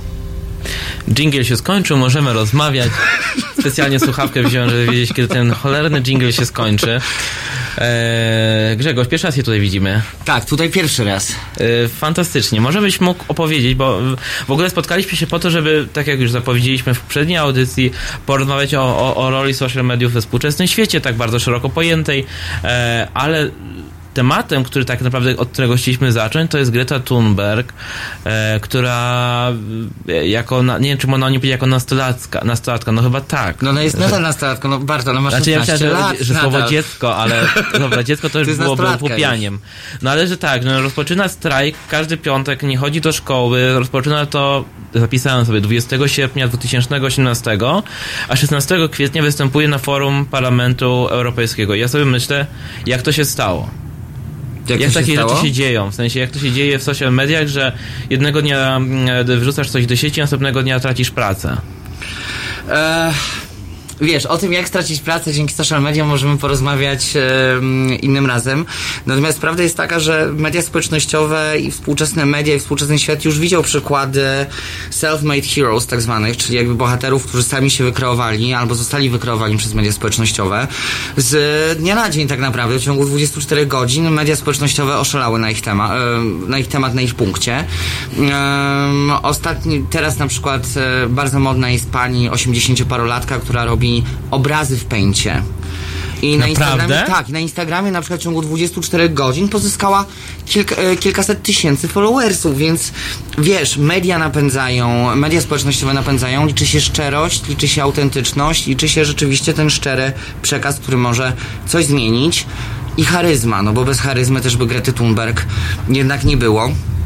Ale poczekaj, ta starsza pani to czym robi te pęcie. Ale ona myszką tak Myszką, klika? tak, tak myszką klika i robi obrazy. O wow, to musisz mi to pokazać, to jest Podeślę ci profil potem. E, ale okej, no dobrze, to, że to coś jest szczere, no ale pytanie, na ile coś jest szczere, bo czasami jest ciężko coś zweryfikować. No, myślę sobie o pokoleniu moich rodziców, którzy zupełnie nie potrafią zweryfikować, co jest szczere, co nie. No, jak ktoś pisze do nich, że jest księciem z Abu Zabi i że to jest specjalnie I że, ma do, I że ma spadek do oddania, tylko Tak. trzeba wysłać przelew na 100 dolarów. No tak, a potem ten przelew nie dochodzi i potem trzeba znowu ten przelew powtórzyć. No i generalnie, wiesz, wszystko wygląda legitnie, jak to mówi się e, i co, jak, jak żyć, jak zweryfikować coś, e, co wydaje się być szczere, a niekoniecznie szczerym jest. Okej, pokolenie Z jest zupełnie inne od naszej Z, generacji. tak się Z, mówi. Tak, pokolenie Z to jest to pokolenie urodzone po 2000 roku. O kurczę, to moja mama jest ży już. Ży, znaczy to jest wcześniej. to jest- Jeszcze, jeszcze gorzej mi się wydaje. No ale dobrze, Więc pokolenie Z jest zupełnie inne. Em, to są osoby młode, które urodziły się ze smartfonami w ręku i od dziecka oglądają internet, od dziecka potrafią weryfikować fakty, co, co, jest, co im się podoba, co jest bardziej autentyczne, co nie. Co jest e, działające na nich bardziej emocjonalnie, a co nie. E, natomiast prawda jest też taka, że Greta, gdyby nie była też dobra w mediach społecznościowych, sama z siebie, gdyby ich nie używała, to też by tak nie wypłynęła i nie wyrosła na idolkę współczesnego świata, ale z tą idolką to też wiemy, że zdania są przecież podzielone, bo na Twitterze, z którego zaczynała, tak naprawdę zaraz po strajku, e, który rozpoczęła klimatycznym e, piątki dla przyszłości, e, zaraz zaczęły się też e, komentarze przecież, że jest e, agentką ISIS, e, że jest podróżniczką w czasie niedawno wyszło, że pracuje dla Sorosza e, i tak dalej, i tak dalej. Więc Znaczy wiesz, żadna z tych rzeczy się nie wyklucza. Można połączyć to wszystko w Tak? jedną całość. Ja jestem w stanie sobie to wyobrazić. Jeszcze promuje em, antynazistowską e, terrorystyczną agendę. A, to, To, też o Grecie ciekawe. się mówiło na Twitterze. Natomiast prawda jest taka, że te Fridays for Future, ten hashtag, który ona dała i który wymyśliła, on był trendujący przez wiele, wiele miesięcy. I dzięki Twitterowi, dzięki temu, że media społecznościowe mają moc docierania, no to stoi tak naprawdę u podstawy mediów społecznościowych. Media społecznościowe nie powstały po to, żebyśmy wymieniali się zdjęciami naszych nowonarodzonych dzieci, kotków i piesków, No, słuchaj, no. ale żebyśmy też łączyli się i potrafili coś wspólnie zrobić. Mhm. To była idea mediów społecznościowych. To połączenie ludzi wokół pewnej idei i Grecie się to udało. To jest jakby powrót do mm, tej takiej bardzo podstawowej funkcji social media. Um, no i dzięki temu, że media społecznościowe takie jak Twitter, takie jak Facebook, takie jak Instagram mają zasięg globalny, bardzo szybko e, urosła, bardzo szybko zaangażowała innych młodych ludzi w, w strajk klimatyczny, w strajkowanie w piątek. E, w ten piątek, kiedy był globalny strajk, półtora miliona dzieciaków, nastolatków protestowało pod siedzibami swoich parlamentów, więc No to jest niebywałe osiągnięcie, też trochę przerażające, bo wyobrażam sobie, że e, może być też tak, że no zresztą prawica próbowała wykreować swoją nastolatkę, albo nastolatka zdaje się parę tydzień lub dwa tygodnie temu słyszałem o, o takim newsie, on potem zniknął z mojego pola widzenia, więc jestem ciekaw, pewnie mówimy nie, nie z wyjdzie. różańcem w ręku. Nie, to jest jeszcze inna A jeszcze kwestia. innym. W sensie, to, to, to jest nasz polski dobytek, pan e, chłopak z, z Mamy różańcem. Mamy wszystko takie. Przypadkiem się pojawił, przypadkiem to zrobił. W sensie on mógł tam przypadkiem rzeczywiście się pojawić. Nie no, przypadkiem się nie pojawił, on tam poszedł. Ale ten różaniec i, i, i wszystko inne wziął i, i, i zrobił show. Um, to jest audycja wyjątkowa, antyklerykalna. E, idąc dalej, y, znaczy myślę sobie o tym tak na poważnie i na serio, że y, jest trochę przerażające, jak 16-latka może zmienić świat, tak? Fajnie, że robi to w sposób, który raczej nas przybliża do tej, do tego świata wolnego od węgla i tak dalej, od tego wolnego od zmian klimatycznych, ale jeżeli to tak rzeczywiście działa, że ktoś y, za pomocą jakiegoś swojego upublicznionego w internecie protestu może zmieniać tak wielu ludzi, to to jest trochę przerażające. Ale dlaczego to jest przerażające? No bo jeżeli mamy do czynienia z profesjonalistami z branży na przykład mediów, y, mam na myśli gazety, które mają te swoje wydania internetowe, to to przechodzi przez szereg różnych y, ludzi, y, którzy- to sprawdzają, mają odpowiednie standardy, mamy do nich zaufanie, a tutaj mamy do czynienia z kimś, kto, który, który załóżmy, nie mówię niekoniecznie o Grecie, a kimś, kto ma jakąś prawdę objawioną do przedstawienia, realizuje ją i robi to szczerze, tak jak mówiliśmy, bo ten element jest istotny. Okej, ja uważam, że jest to piękne przede wszystkim, że można zmieniać świat. To jest kolejny przykład, kiedy, słuchaj, em, jesteś aktywistą. Em, ja też trochę działam. I fajnie jest, nie, kiedy widzimy, że nasze działania przynoszą rezultaty. A, I jakby ten świat możemy zmieniać. I to jest cudowne, że możemy zmieniać ten świat. Szesnastolatka nie jest nikim innym. E, też ma jakby swoje plany, też chce lepiej dla tego świata. I okej, z jednej strony można promować osoby, które no, niosą za sobą, są nośnikami szkodliwych idei, ale media też mają obowiązek weryfikować fakty. To też nie jest tak, że jeśli o Grecie napiszą media, no to one mają obowiązek weryfikować te fakty, nie? Jakby to jest e, rola współcze- znaczy dziennikarza we współczesnym świecie, bo e, dziennikarz jakby już też sam nie kreuje tematów, bo te tematy pojawiają się inaczej niż 20 lat temu, 15 lat temu. Te tematy one wypływają codziennie, także z mediów społecznościowych w ilości wiele, bardzo dużo, miliony, tysiące. I dziennikarz musi weryfikować fakty, więc to też nie jest tak, że Greta została wypromowana sama z, sie- znaczy sama z siebie. Media, to co ciekawe, media jak pisało o Grecie, a po pierwsze w 50% tylko pisało o zmianach klimatycznych. Tematy, które się pojawiały w przypadku Grety to było na przykład em, przywództwo młodzieżowe, czyli czy nastolatka może przewodzić światu, e, zaangażowanie polityków w sprawy klimatyczne, pokolenie Z właśnie. Media społecznościowe i tak kreują i zmieniają rzeczywistość, więc strajk klimatyczny i jakby te zmiany klimatu, one też przez media były traktowane tylko w 50% jako temat przy Grecie Thunberg. I do całej reszty powrócimy po przerwie muzycznej. Halo Radio. Hej, cześć, tu Krzysiek Skiba, zespół Big Cyc. Panie i panowie, chciałem zaprosić wszystkich do aktywności, e, o wpłaty, apeluję o wpłaty na Fundację Obywatelską, na Patronajta Fundacji Obywatelskiej. Dość już e, polityków, czas coś zrobić dla obywateli. Politycy są w radiu, są w telewizji, a tutaj buduje się radio obywatelskie bez polityków, gdzie wreszcie obywatele mogliby o sprawach obywatelskich pogadać. Nie jest to związane z Platformą Obywatelską, z żadną partią. Fundacja Obywatelska. Warto wesprzeć. www.halo.radio ukośnik SOS.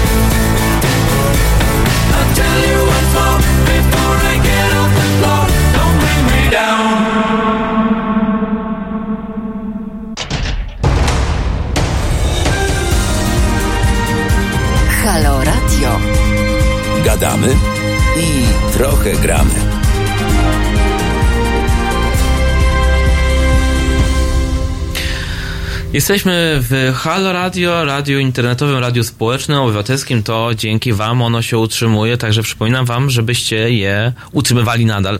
A, Ja bo- też również do tego zachęcam. wpłacajcie, dodawajcie datki na tacę, aby nie kościołowi co tydzień, co miesiąc. Jakkolwiek chcecie wpłaty automatyczne, czy jak to się nazywa, róbcie to co, co, cały czas. E, bez tego nie będzie takich audycji jak ta. E, co potwierdzi mój gość, który jest specem od internetu.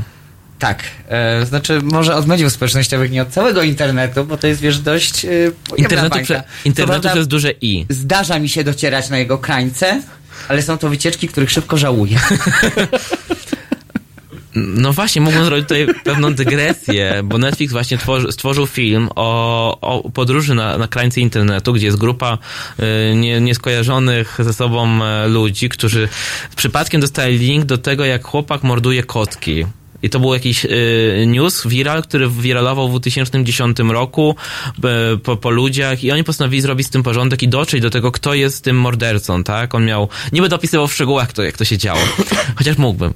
E, i, Może nie. E, I w każdym razie ten filmik tam wiralował na YouTubie, pewnie na różnych innych portalach, które tak szybko sobie nie radziły z moderacją tego i oni tak jakby w tym całym filmie próbują dojść do prawdy, kim on jest, gdzie on jest i, i jak żyje, tak? Bo może być potencjalnym mordercą, potem może się przerzucić na ludzi. To jest E, też prawda. Udowodnione naukowo. Udowodnione Wiem też naukowo. Netflixa z seriali kryminalnych. Dokładnie, dokładnie, ja też stąd wiem, dlatego ludzie, którzy nie lubią kotków lub nie mają ich na Facebooku, należy na nich mieć e, baczenie, trzeba na nich uważać. Ale teraz wracając do Grety Thunberg. E, jak to się dzieje, że nastolatka ma, ma 23 tysiące retweetów na Twitterze, a kotki tylko tysiąc, na moim na przykład? Czy kotki zmieniają świat? Oczywiście. W jaki sposób? Znaczy, oprócz tego, że podnoszą ci pewnie poziom hormonów szczęścia, bo widzisz ładnego, uśmiechniętego kotka na łączce, który bawi się kłębuszkiem, to jest takie o. I widzisz Gretę Thunberg, która mówi how dare you. Mówi, ale mu, widzisz Gretę Thunberg i widzisz jej przemówi. Znaczy, to jest też tak, że Greta nie zawsze miała tyle retweetów, mówmy się. Po strajku klimatycznym Greta miała takie małe załamanie social mediowe i od grudnia do przemówienia w ONZ łącznie jej tweety uzyskały raptem 4000 w ogóle reakcji. Więc to też nie jest tak, że do tego przemówienia w ONZ jak była jakby już bohaterką. Jak ten to boom, przemówi- jak to się dzieje, że nagle staje się bohaterem, te, właśnie tu, no, w tym przypadku Twittera, tak, że nagle to się zwiększa no, kilkudziesięciokrotnie. Dała świetne przemówienie w ONZ, nakrzyczała na tych wszystkich starych dziadów, za przeproszeniem, którzy Mhm. zajmują się polityką, powiedzie, powiedziała co myśli, że okradli ją z dzieciństwa, okradają ją z przyszłości i ludzie to kupili, ludzie się z tym zaczęli też utożsamiać. No nie czujesz się jakbyś był okradziony trochę z przyszłości? No wiesz, no, no nie tylko jeśli chodzi o klimat, nie? Ale... Co- pff, Słuchaj, jakbym tak mniej jadł, więcej chodził na siłownię, to może bym miał jakąś przyszłość. Ale nie śmiejąc się z kwestii klimatycznych, bo są poważną sprawą, e, no to rzeczywiście nastolatka, która, znaczy wśród wielu osób pojawia się taki, taki rodzaj złości, że moja żona ma chorobę nowotworową, ktoś inny cierpi z jakiegoś innego powodu, a, a nastolatka na Twitterze cieszy się takim powodzeniem i akcje cieszą się takim powodzeniem. To jest taki polski syndrom, że e, daj mi na chorą córkę, bo, bo moja córka cierpi gorzej Dej. niż ty. Dej, dokładnie. Dej! Mam Ty- chorą córkę. Czyli reasumując, e, co odpowiesz malkontentom, którzy twierdzą, że nie zasługuje na taką popularność, jaką ma? Czy muszę rozmawiać zawsze z malkontentami? znaczy, prawda jest taka, że wolę, żeby Greta Thunberg zgarniała pół miliona retweetów po dobrej przemowie w ONZ, która zmienia nastawienie wielu ludzi, która zmienia poziom dyskusji, bo także dzięki Grecie Thunberg zmienił się wydźwięk dyskusji w ogóle o zmianach klimatycznych. Dopóki nie było Grety, nie było dyskusji o tym, jak zmienia się nasz klimat. Naukowcy mogli sobie mówić do Białego Domu, mogli występować na wszystkich e, ONZ-owskich konferencjach. Odczytach e, i- Od, tak, odczytach, e, wysyłać referaty, wysyłać alerty, wysyłać alarmy. Natomiast to nigdy nie było słyszane. Zwykła dziewczyna, szesnastolatka, z warkoczykiem, która olewa szkołę, mimo że jest grzeczną dziewczynka, e, dziewczynką, chora na zespół, znaczy cierpiąca na zespół Aspergera, e, jakby jej przemowa porusza serca, dlatego że nie jest naukowym bełkotem. Jest świeża, mówi po szanując wszystkich, szanując wszystkich naukowców, ale to było to, czego nauka potrzebowała jakby ambasadora tych wszystkich zmian klimatycznych. E, I wolę Gretę Thunberg, która mówi o tym, że wymrzemy za chwilę, która mówi, że musimy coś zmienić i która rzeczywiście coś zmienia w nastawieniu ludzi. E, nie wiem, czy wiesz, ile osób po Grecie dopiero z mojego otoczenia najbliższego zaczęło robić tak zwany plastic shaming. Jak przychodzisz z butelką PET jednorazową, to Mhm. już wychodź, nie? W sensie... Ale to się stało po Grecie? To nie Po Grecie, wcześniej? tak, nie. Oni tak nie robili po Grecie, Mhm. jeszcze byli takimi bardziej ekoterrorystami, znaczy, bo ja też jestem Mhm. ekoterrorystą w sumie, jeśli chodzi o, o swoje otoczenie, e, natomiast byli tacy umiarkowani bardziej, a teraz nie. Teraz wiedzą, co to znaczy i jak się ten świat zmienia. I kończąc, wolę, żeby to była Greta, niż nastolatki, które pozują na Instagramie za lajki z pewnymi częściami ciała na wierzchu, nie? Nie wnosząc nic do tej komunikacji w mediach społecznościowych. Dobrze wiemy, jak media społecznościowe wyglądają i Greta jest też super balansem między właśnie tym, jak wyglądają media społecznościowe ogólnie i jest tą bohaterką dla tych osób, które nie utożsamiają się w 50% właśnie z tymi pięknymi zdjęciami, super życiami na Instagramie, super życiami na Twitterze i tym takim tumi, tumiwisizmem tak zwanym, czyli jakby zajmujemy się czubkiem własnego nosa i niczym więcej, bo nic nie jest ważne. Greta kilka dni temu musiała, nawet nie tak dawno, nawet nie, czy nie wczoraj, przedwczoraj, musiała się tłumaczyć z tweeta dotyczącego e, kolei niemieckich, bo e, zwróciła zdjęcie, że siedzi w przedziale jak zwykła nastolatka, a potem koleje e, niemieckie Tak, się tłumaczyły, tak, tak. że no nie no, jechała w pierwszej klasie i tak naprawdę powinna podziękować w tym tweetie swojej o- obsłudze, która się nią zajmowała i wtedy ona musiała wyjaśnić. Znaczy, y, y, ona nie jechała w pierwszej klasie, jej zaproponowali pierwszą klasę, żeby ona usiadła z tymi bagażami nie chciała. E, też szanuję, e, wizerunkowo super, natomiast też jakby pamiętajmy, że w mediach społecznościowych nie jesteśmy ani anonimowi, można znaleźć. Tak jak e, wspominałeś o kotkach Mhm. a, i osobie, która się znęca z zwierzętami, wszyscy jesteśmy do zidentyfikowania. I także jeśli narzekamy na marki albo na coś narzekamy, to zawsze ktoś może nam odpowiedzieć. Szczególnie jeśli jesteśmy osobami publicznymi i wejść w polemikę, więc... Nawet pozwem. Nawet pozwem, tak, to się też zdarza. Pamiętajmy, że media społecznościowe to dialog, nie monolog. No, TVN czasami nie lubi niektórych influencerów. tak, tylko rzucę. E, Też, też znam takie organizacje, które na przykład e, bardzo ładnie się komunikują e, właśnie z, z influencerami. Jeszcze sobie przypominam kolejnego tweeta, który przyszedł mi do głowy z Gretą, która musiała też przepraszać za to, co napisała jakiś czas temu, mówiąc o tym, że polityków należy e, docisnąć do ściany, aby, nie sta, aby, aby musieli wybrać, e, e, zaczęli, zacząć coś robić w kwestiach zmian klimatycznych i w momencie, kiedy docierasz do tak wielu różnych ludzi z całego świata, ona rzeczywiście tłumaczyła się z tego, że po szwedzku to brzmi zupełnie inaczej, a, angielski nie jest jej macierzystym Mhm. językiem. Więc y, nie miała, a w niektórych krajach zostało to odebrane jako tako, takie, że tych polityków trzeba niemalże rozstrzelać. E, Greta już w ONZ mówiła, że e, będziemy was obserwować. Całe pokolenie i ja was będę obserwować.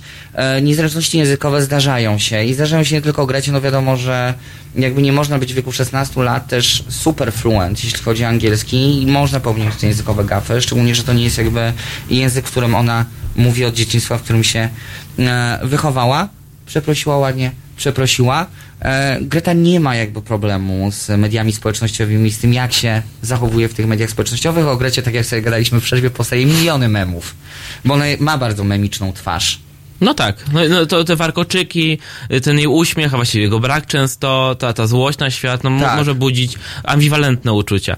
Ale jeszcze tak wracając do tego, o, te, o, tej, o tej skuteczności Grety, jak sobie myślę o tym i troszkę do poprzedniego tematu naszej dyskusji, e, co jeżeli Grecie odbije i jutro napisze, e, a wiecie co, ja wszystko to, to, to była ściema, generalnie mam plastik w, w mojej Tesli, pełno butelek i walić. W sensie, to, to jest troszkę efekt Mhm. y, y, Frasyniuka, który tydzień temu albo dwa powiedział jebać pisiora, to jest dosłowny cytat z niego. I niestety miałem przez ten czas bana na Facebooku i byłem na różnych y, platformerskich grupach typu Kochamy Tuska. E, i to się cieszyło olbrzymim powodzeniem. Czy są takie, naprawdę są takie Są, grupy? naprawdę nie byłeś w tym darknecie. To jest naprawdę To jest darknet. To jest autentycznie. Ja tam. to- Bardzo to, ja było zaproszenia do tych Zaproszę grup cię do tych grup. Ja bardzo proszę. E, Ja tam dyskutowałem ze starszymi paniami, że jednak nie wypada mówić, że bardzo dobrze jebać wszystkich, bo tak mniej więcej mówiono.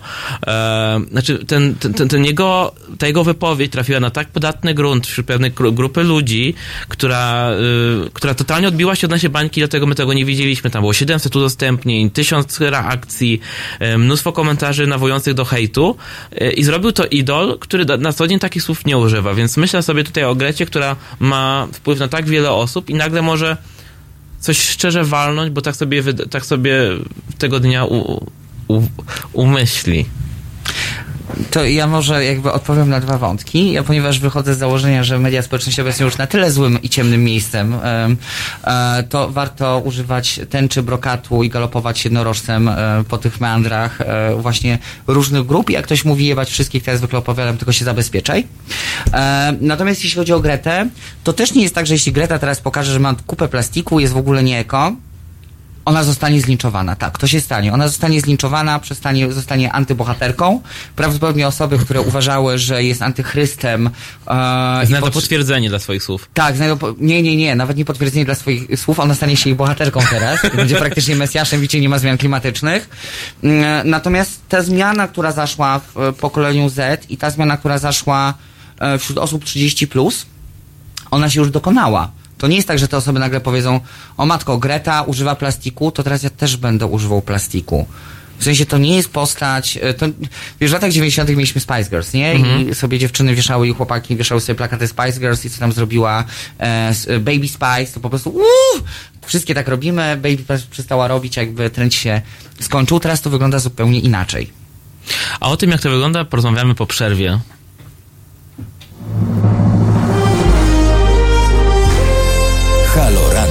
Nazywam się Tomasz Sekielski. Często od moich widzów, słuchaczy, czytelników słyszę, że brakuje w Polsce medium obywatelskiego. Medium, które na poważnie traktowałoby swoich odbiorców.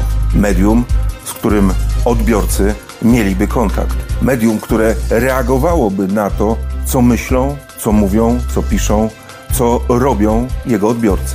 Teraz jest szansa, aby takie medium powstało.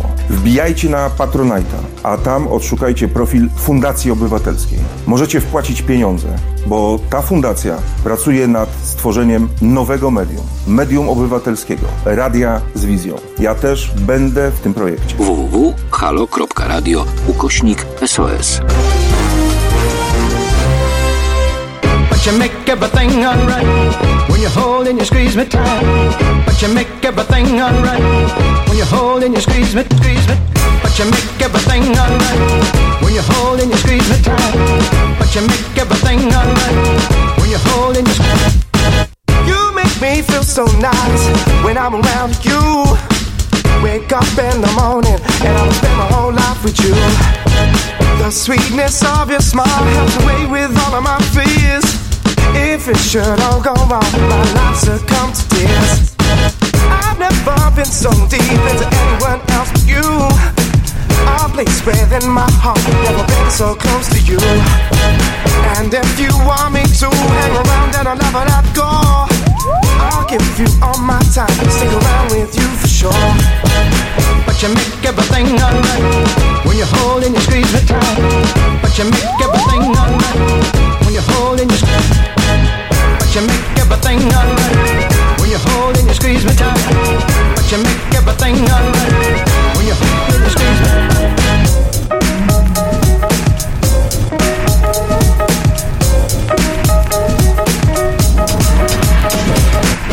If it shall all come true, I'll give my heart to you. To keep safe in your arms like I know that you wanted to. It gives me so much joy that I can call you all of mine. Oh, will it all work out? Will I see just every time? And if it all goes right, looking down from a bird's eye view, I see my love good from the time that I spent with you. I'll give you anything and everything will work out fine. So I can trust in you because you give me peace of mind. Cause you are all I want,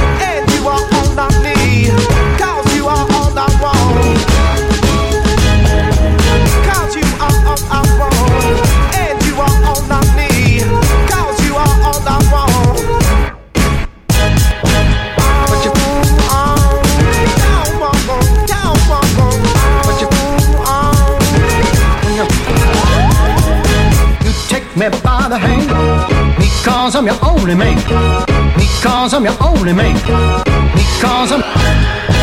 Cause you make everything alright when you hold and squeeze me tight. Cause you make everything alright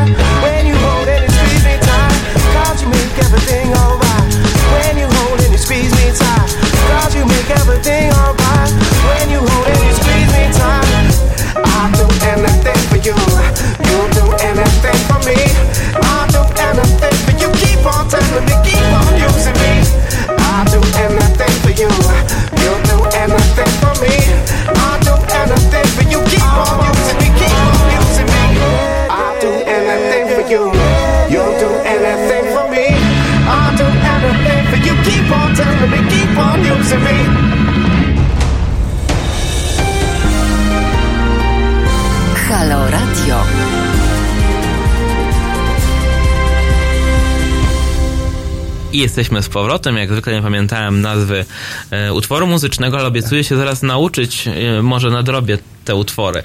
E, właśnie zaczęliśmy się zastanawiać z Grześkiem na temat dalszego ciągu naszej audycji i myślimy, że poprowadzimy go w tym kierunku. Dla tych, którzy, którzy są z Was e, tutaj na, na, z nami na, na, na YouTubie, e, możecie sobie zobaczyć to, co za chwilę pokażę do kamery. Ja pokażę Wam naszą polską Gretę Thunberg. Przede wszystkim najp- najpierw pokażę prawdziwą Gretę. Tu jest Greta prawdziwa, zaraz nie widać, widać. Tu jest Greta, tu jest jej charakterystyczna mina i charakterystyczny po szwedzku napis School Strike for Climated, a tu jest Polska Greta, tu, Gre- Inga, e, która e, też pod Sejmem wakacje się pojawiła nagle znikąd i miała identyczny, ja mam podejrzenia, że nawet taki sam, tylko po polsku Greta jej napisała, albo ona sama, wakacyjny strajk klimatyczny tym samym markerem na tej samej białej kartce. I tu też ma dwa warkoczyki. I o co, sorry, tutaj tego nie powinniście widzieć. E, No i pytanie... Za późno.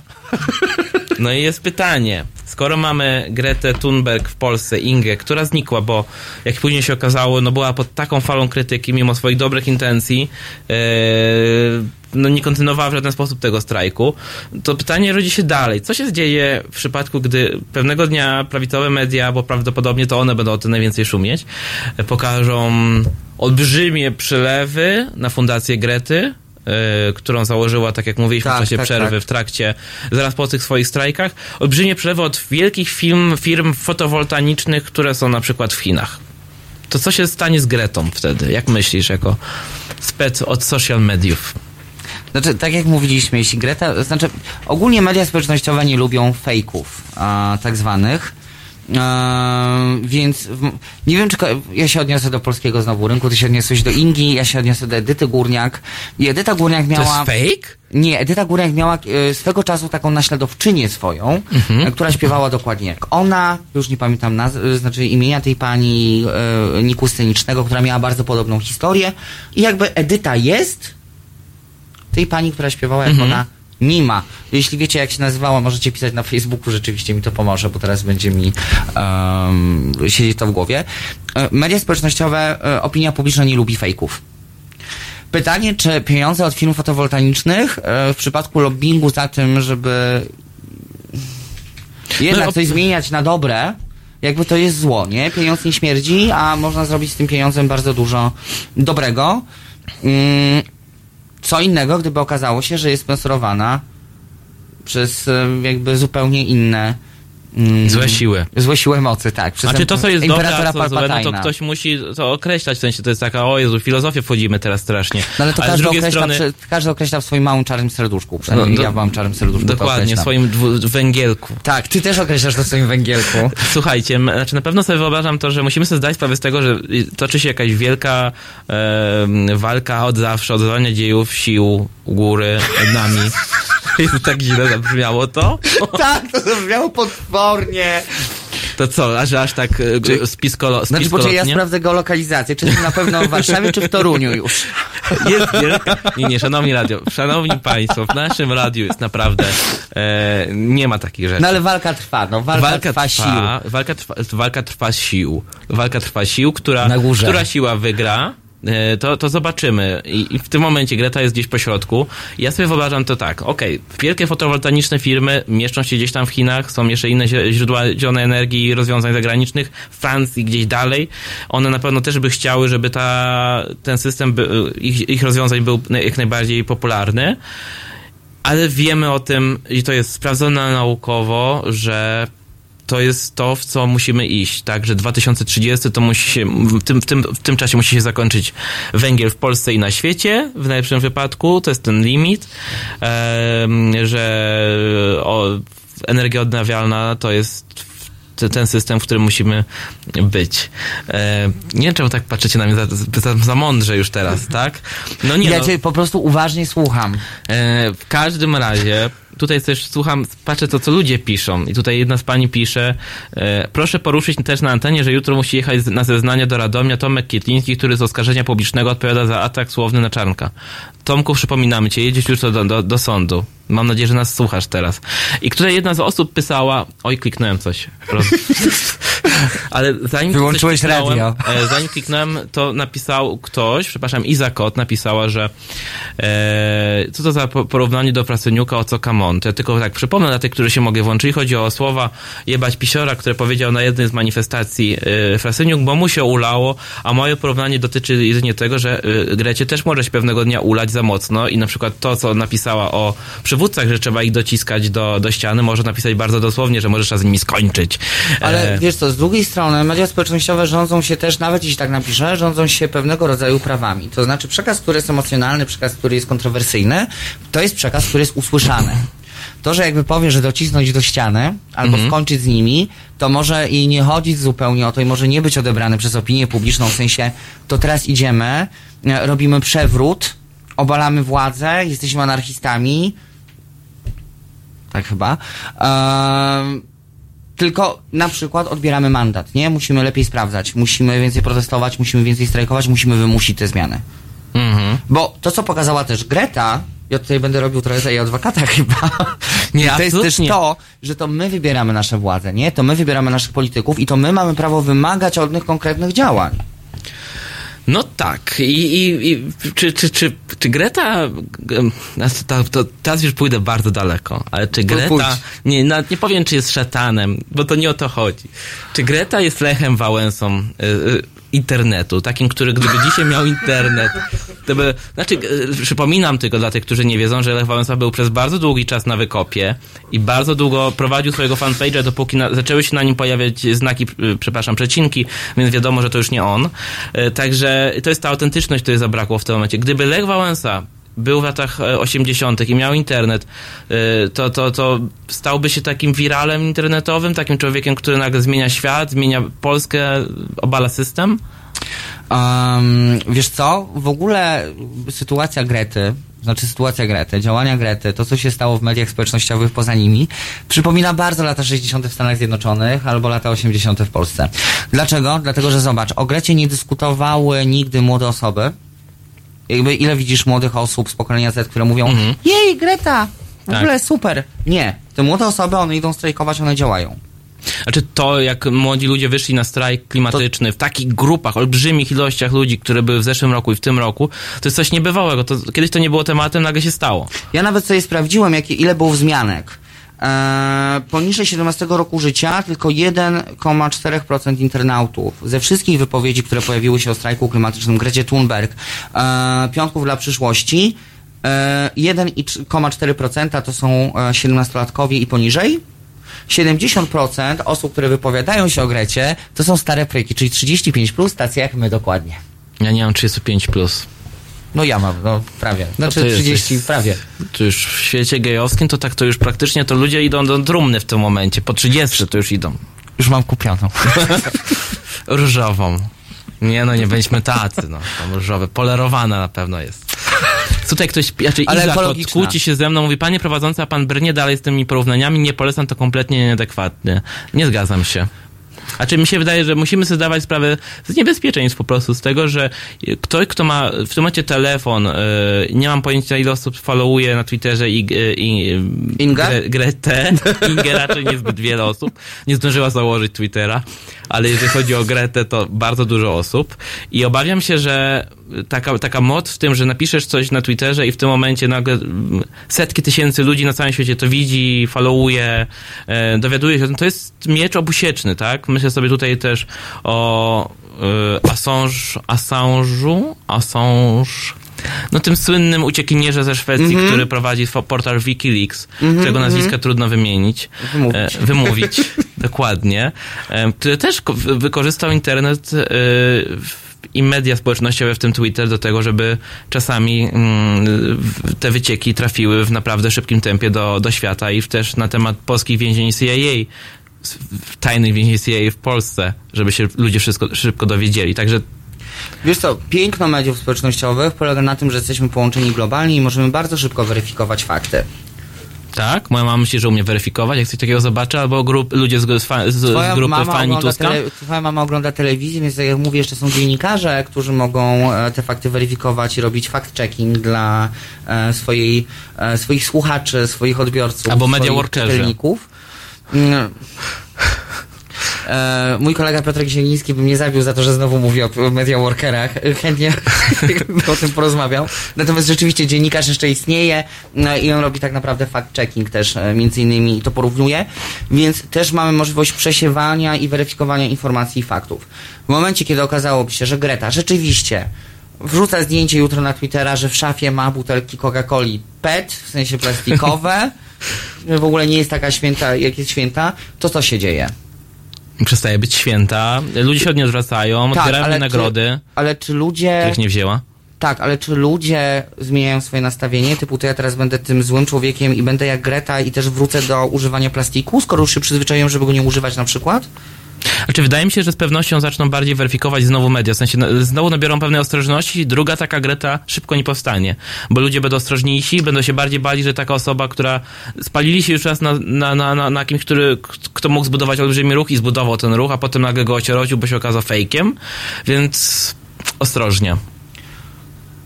Tak czy siak media pozwalają weryfikować. E, Media jakby Inteligentni ludzie sprawdzają wiele źródeł, nie? W No sensie jakby i zawsze jakby... Wiesz co, ja nie wiem, czy inteligentni, pracują- po prostu niektórzy wiedzą, że trzeba weryfikować, albo nie wiedzą, jak to zrobić. Moja mama że- z pewnością wpuszczona w wir Facebooka nie wiedziałaby, jak zweryfikować na grupie Kochamy Tuska y, mema z Kaczyńskim z, z lat 80. y, z, z rozmowy ze SB-kami, tak? Okej, no żyjemy w erze, gdzie nawet aż dziennik jak publikuje informację polityczną, to nagle okazuje się, że ludzie szerują z aż dziennika e, newsy, mówiąc, Jezu, jak oni mogli tak zrobić? Dokładnie. Jezu, to jest aż dziennik. Jeśli tam nie ma napisane, wszystkie fakty zostały zmyślone, Chyba, że jest napisane, na przykład te tweety nie zostały zmyślone, czego bardzo żałujemy na przykład, nie? E, Okej, ale fact-checking jest bardzo ważny w mediach społecznościowych. Albo się nauczymy tego jako społeczeństwo, albo zginiemy też. Chyba, że deepfake'ów to jest w ogóle... O, o głębokich fejkach za chwilę porozmawiamy. Coś spadło. O głębokich fejkach za chwilę porozmawiamy. Deepfake'ach porozmawiamy. A teraz zaproszę Państwa, naszych słuchaczy i słuchaczki, na fantastyczny zespół Jam wokół sami lunatycy.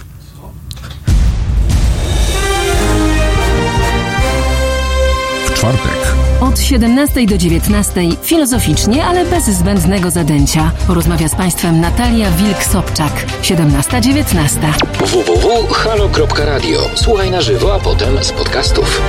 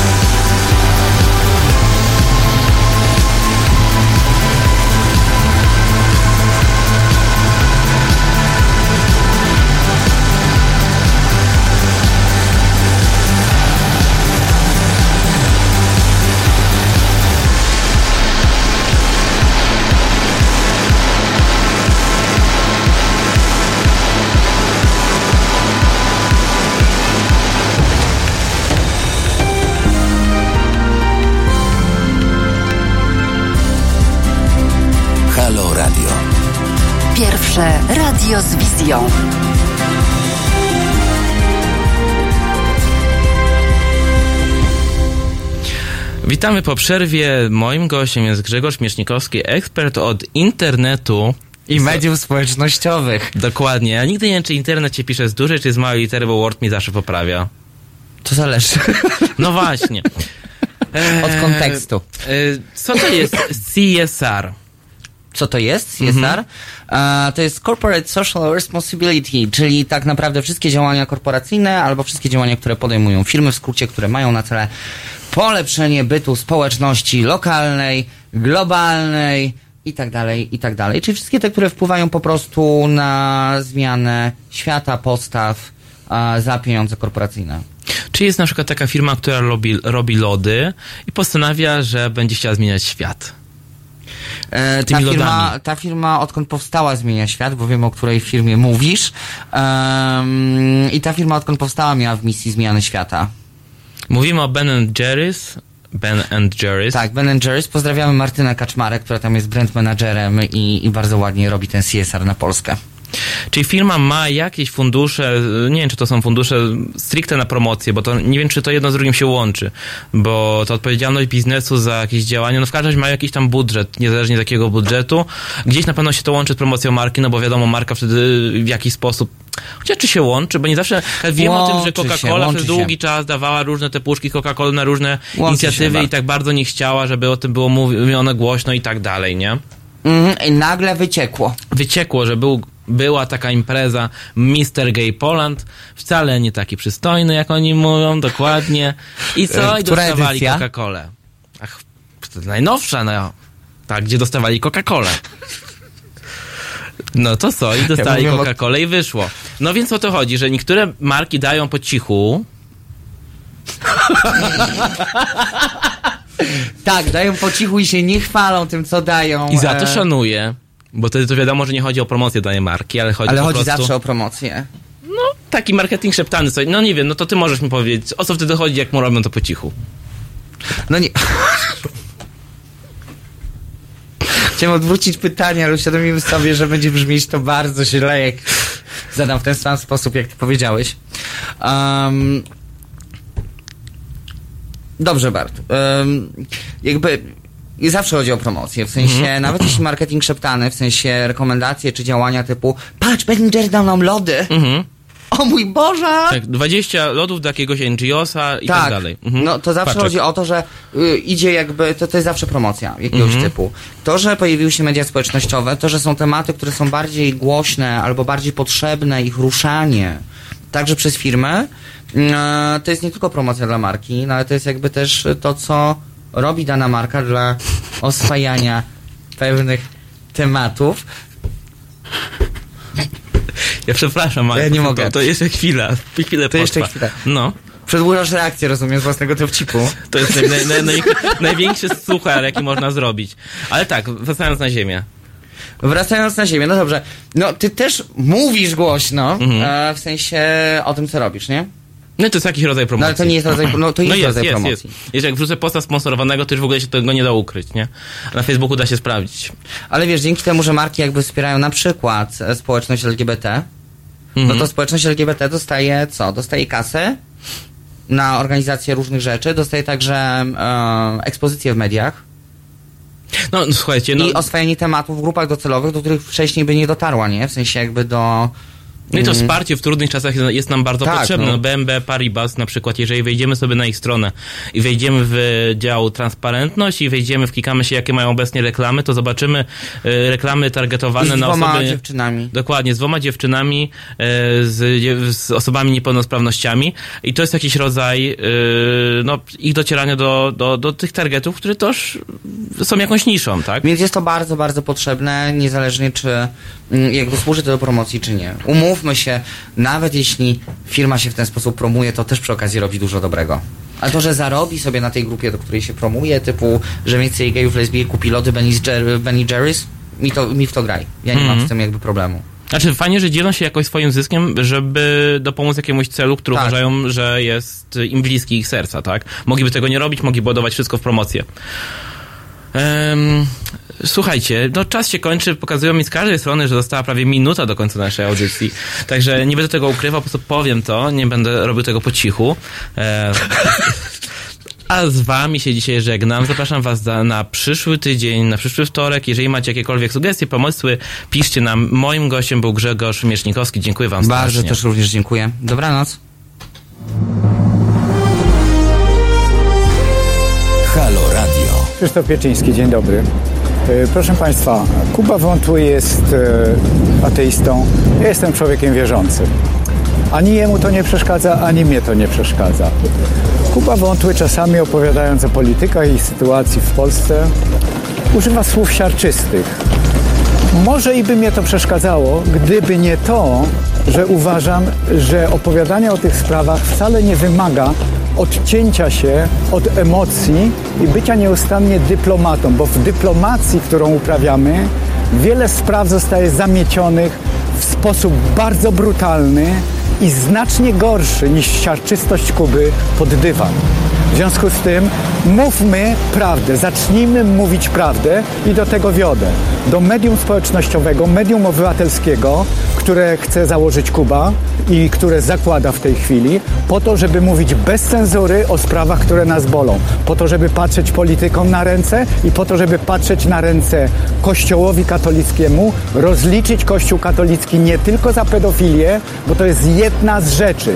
To jest szczyt góry lodowej, o której mówię od wielu lat. Kuba mówi o tym dwa razy dłużej albo trzy razy dłużej i należy mu się to medium.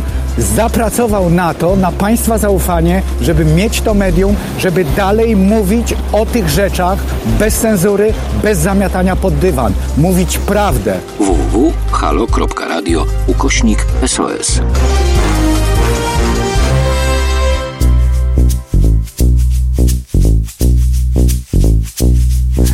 Noc w noc szukam po mieście naszych zamierzchłych miejsc. Mam złe sny, kiedy nie śpię. O mamy mam złe. Luka po tobie Nawet dziurawy mam cień. Noc w noc chodzę powietrze Czym by cię tu zapomnieć?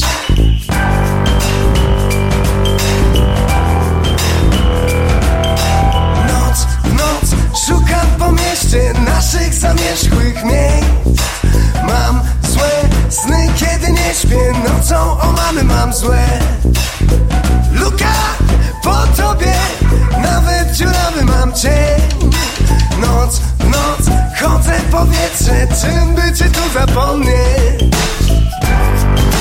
Proszę cię bądź cicho i chodź.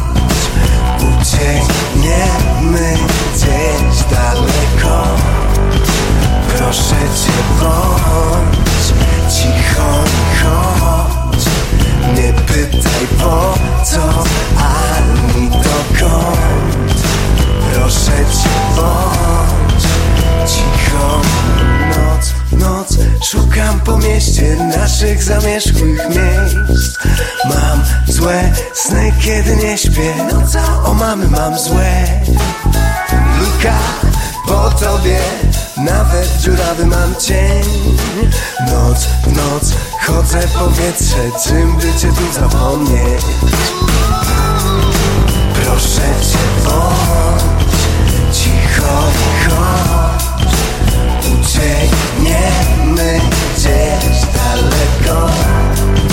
Proszę cię bądź Podaj mi dłoń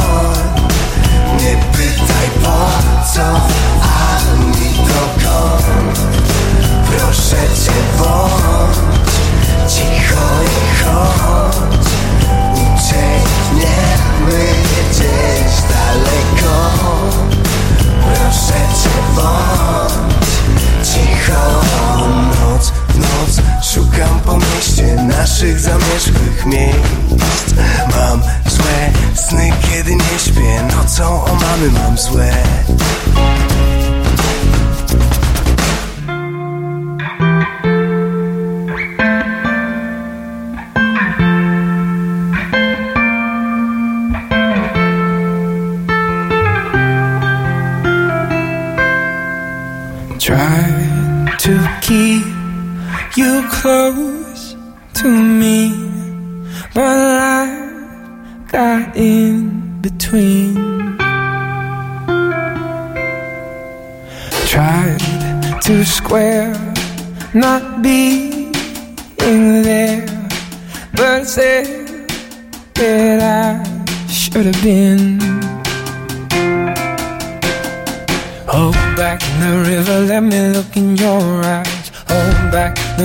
So I can stop for a minute and see where you hide.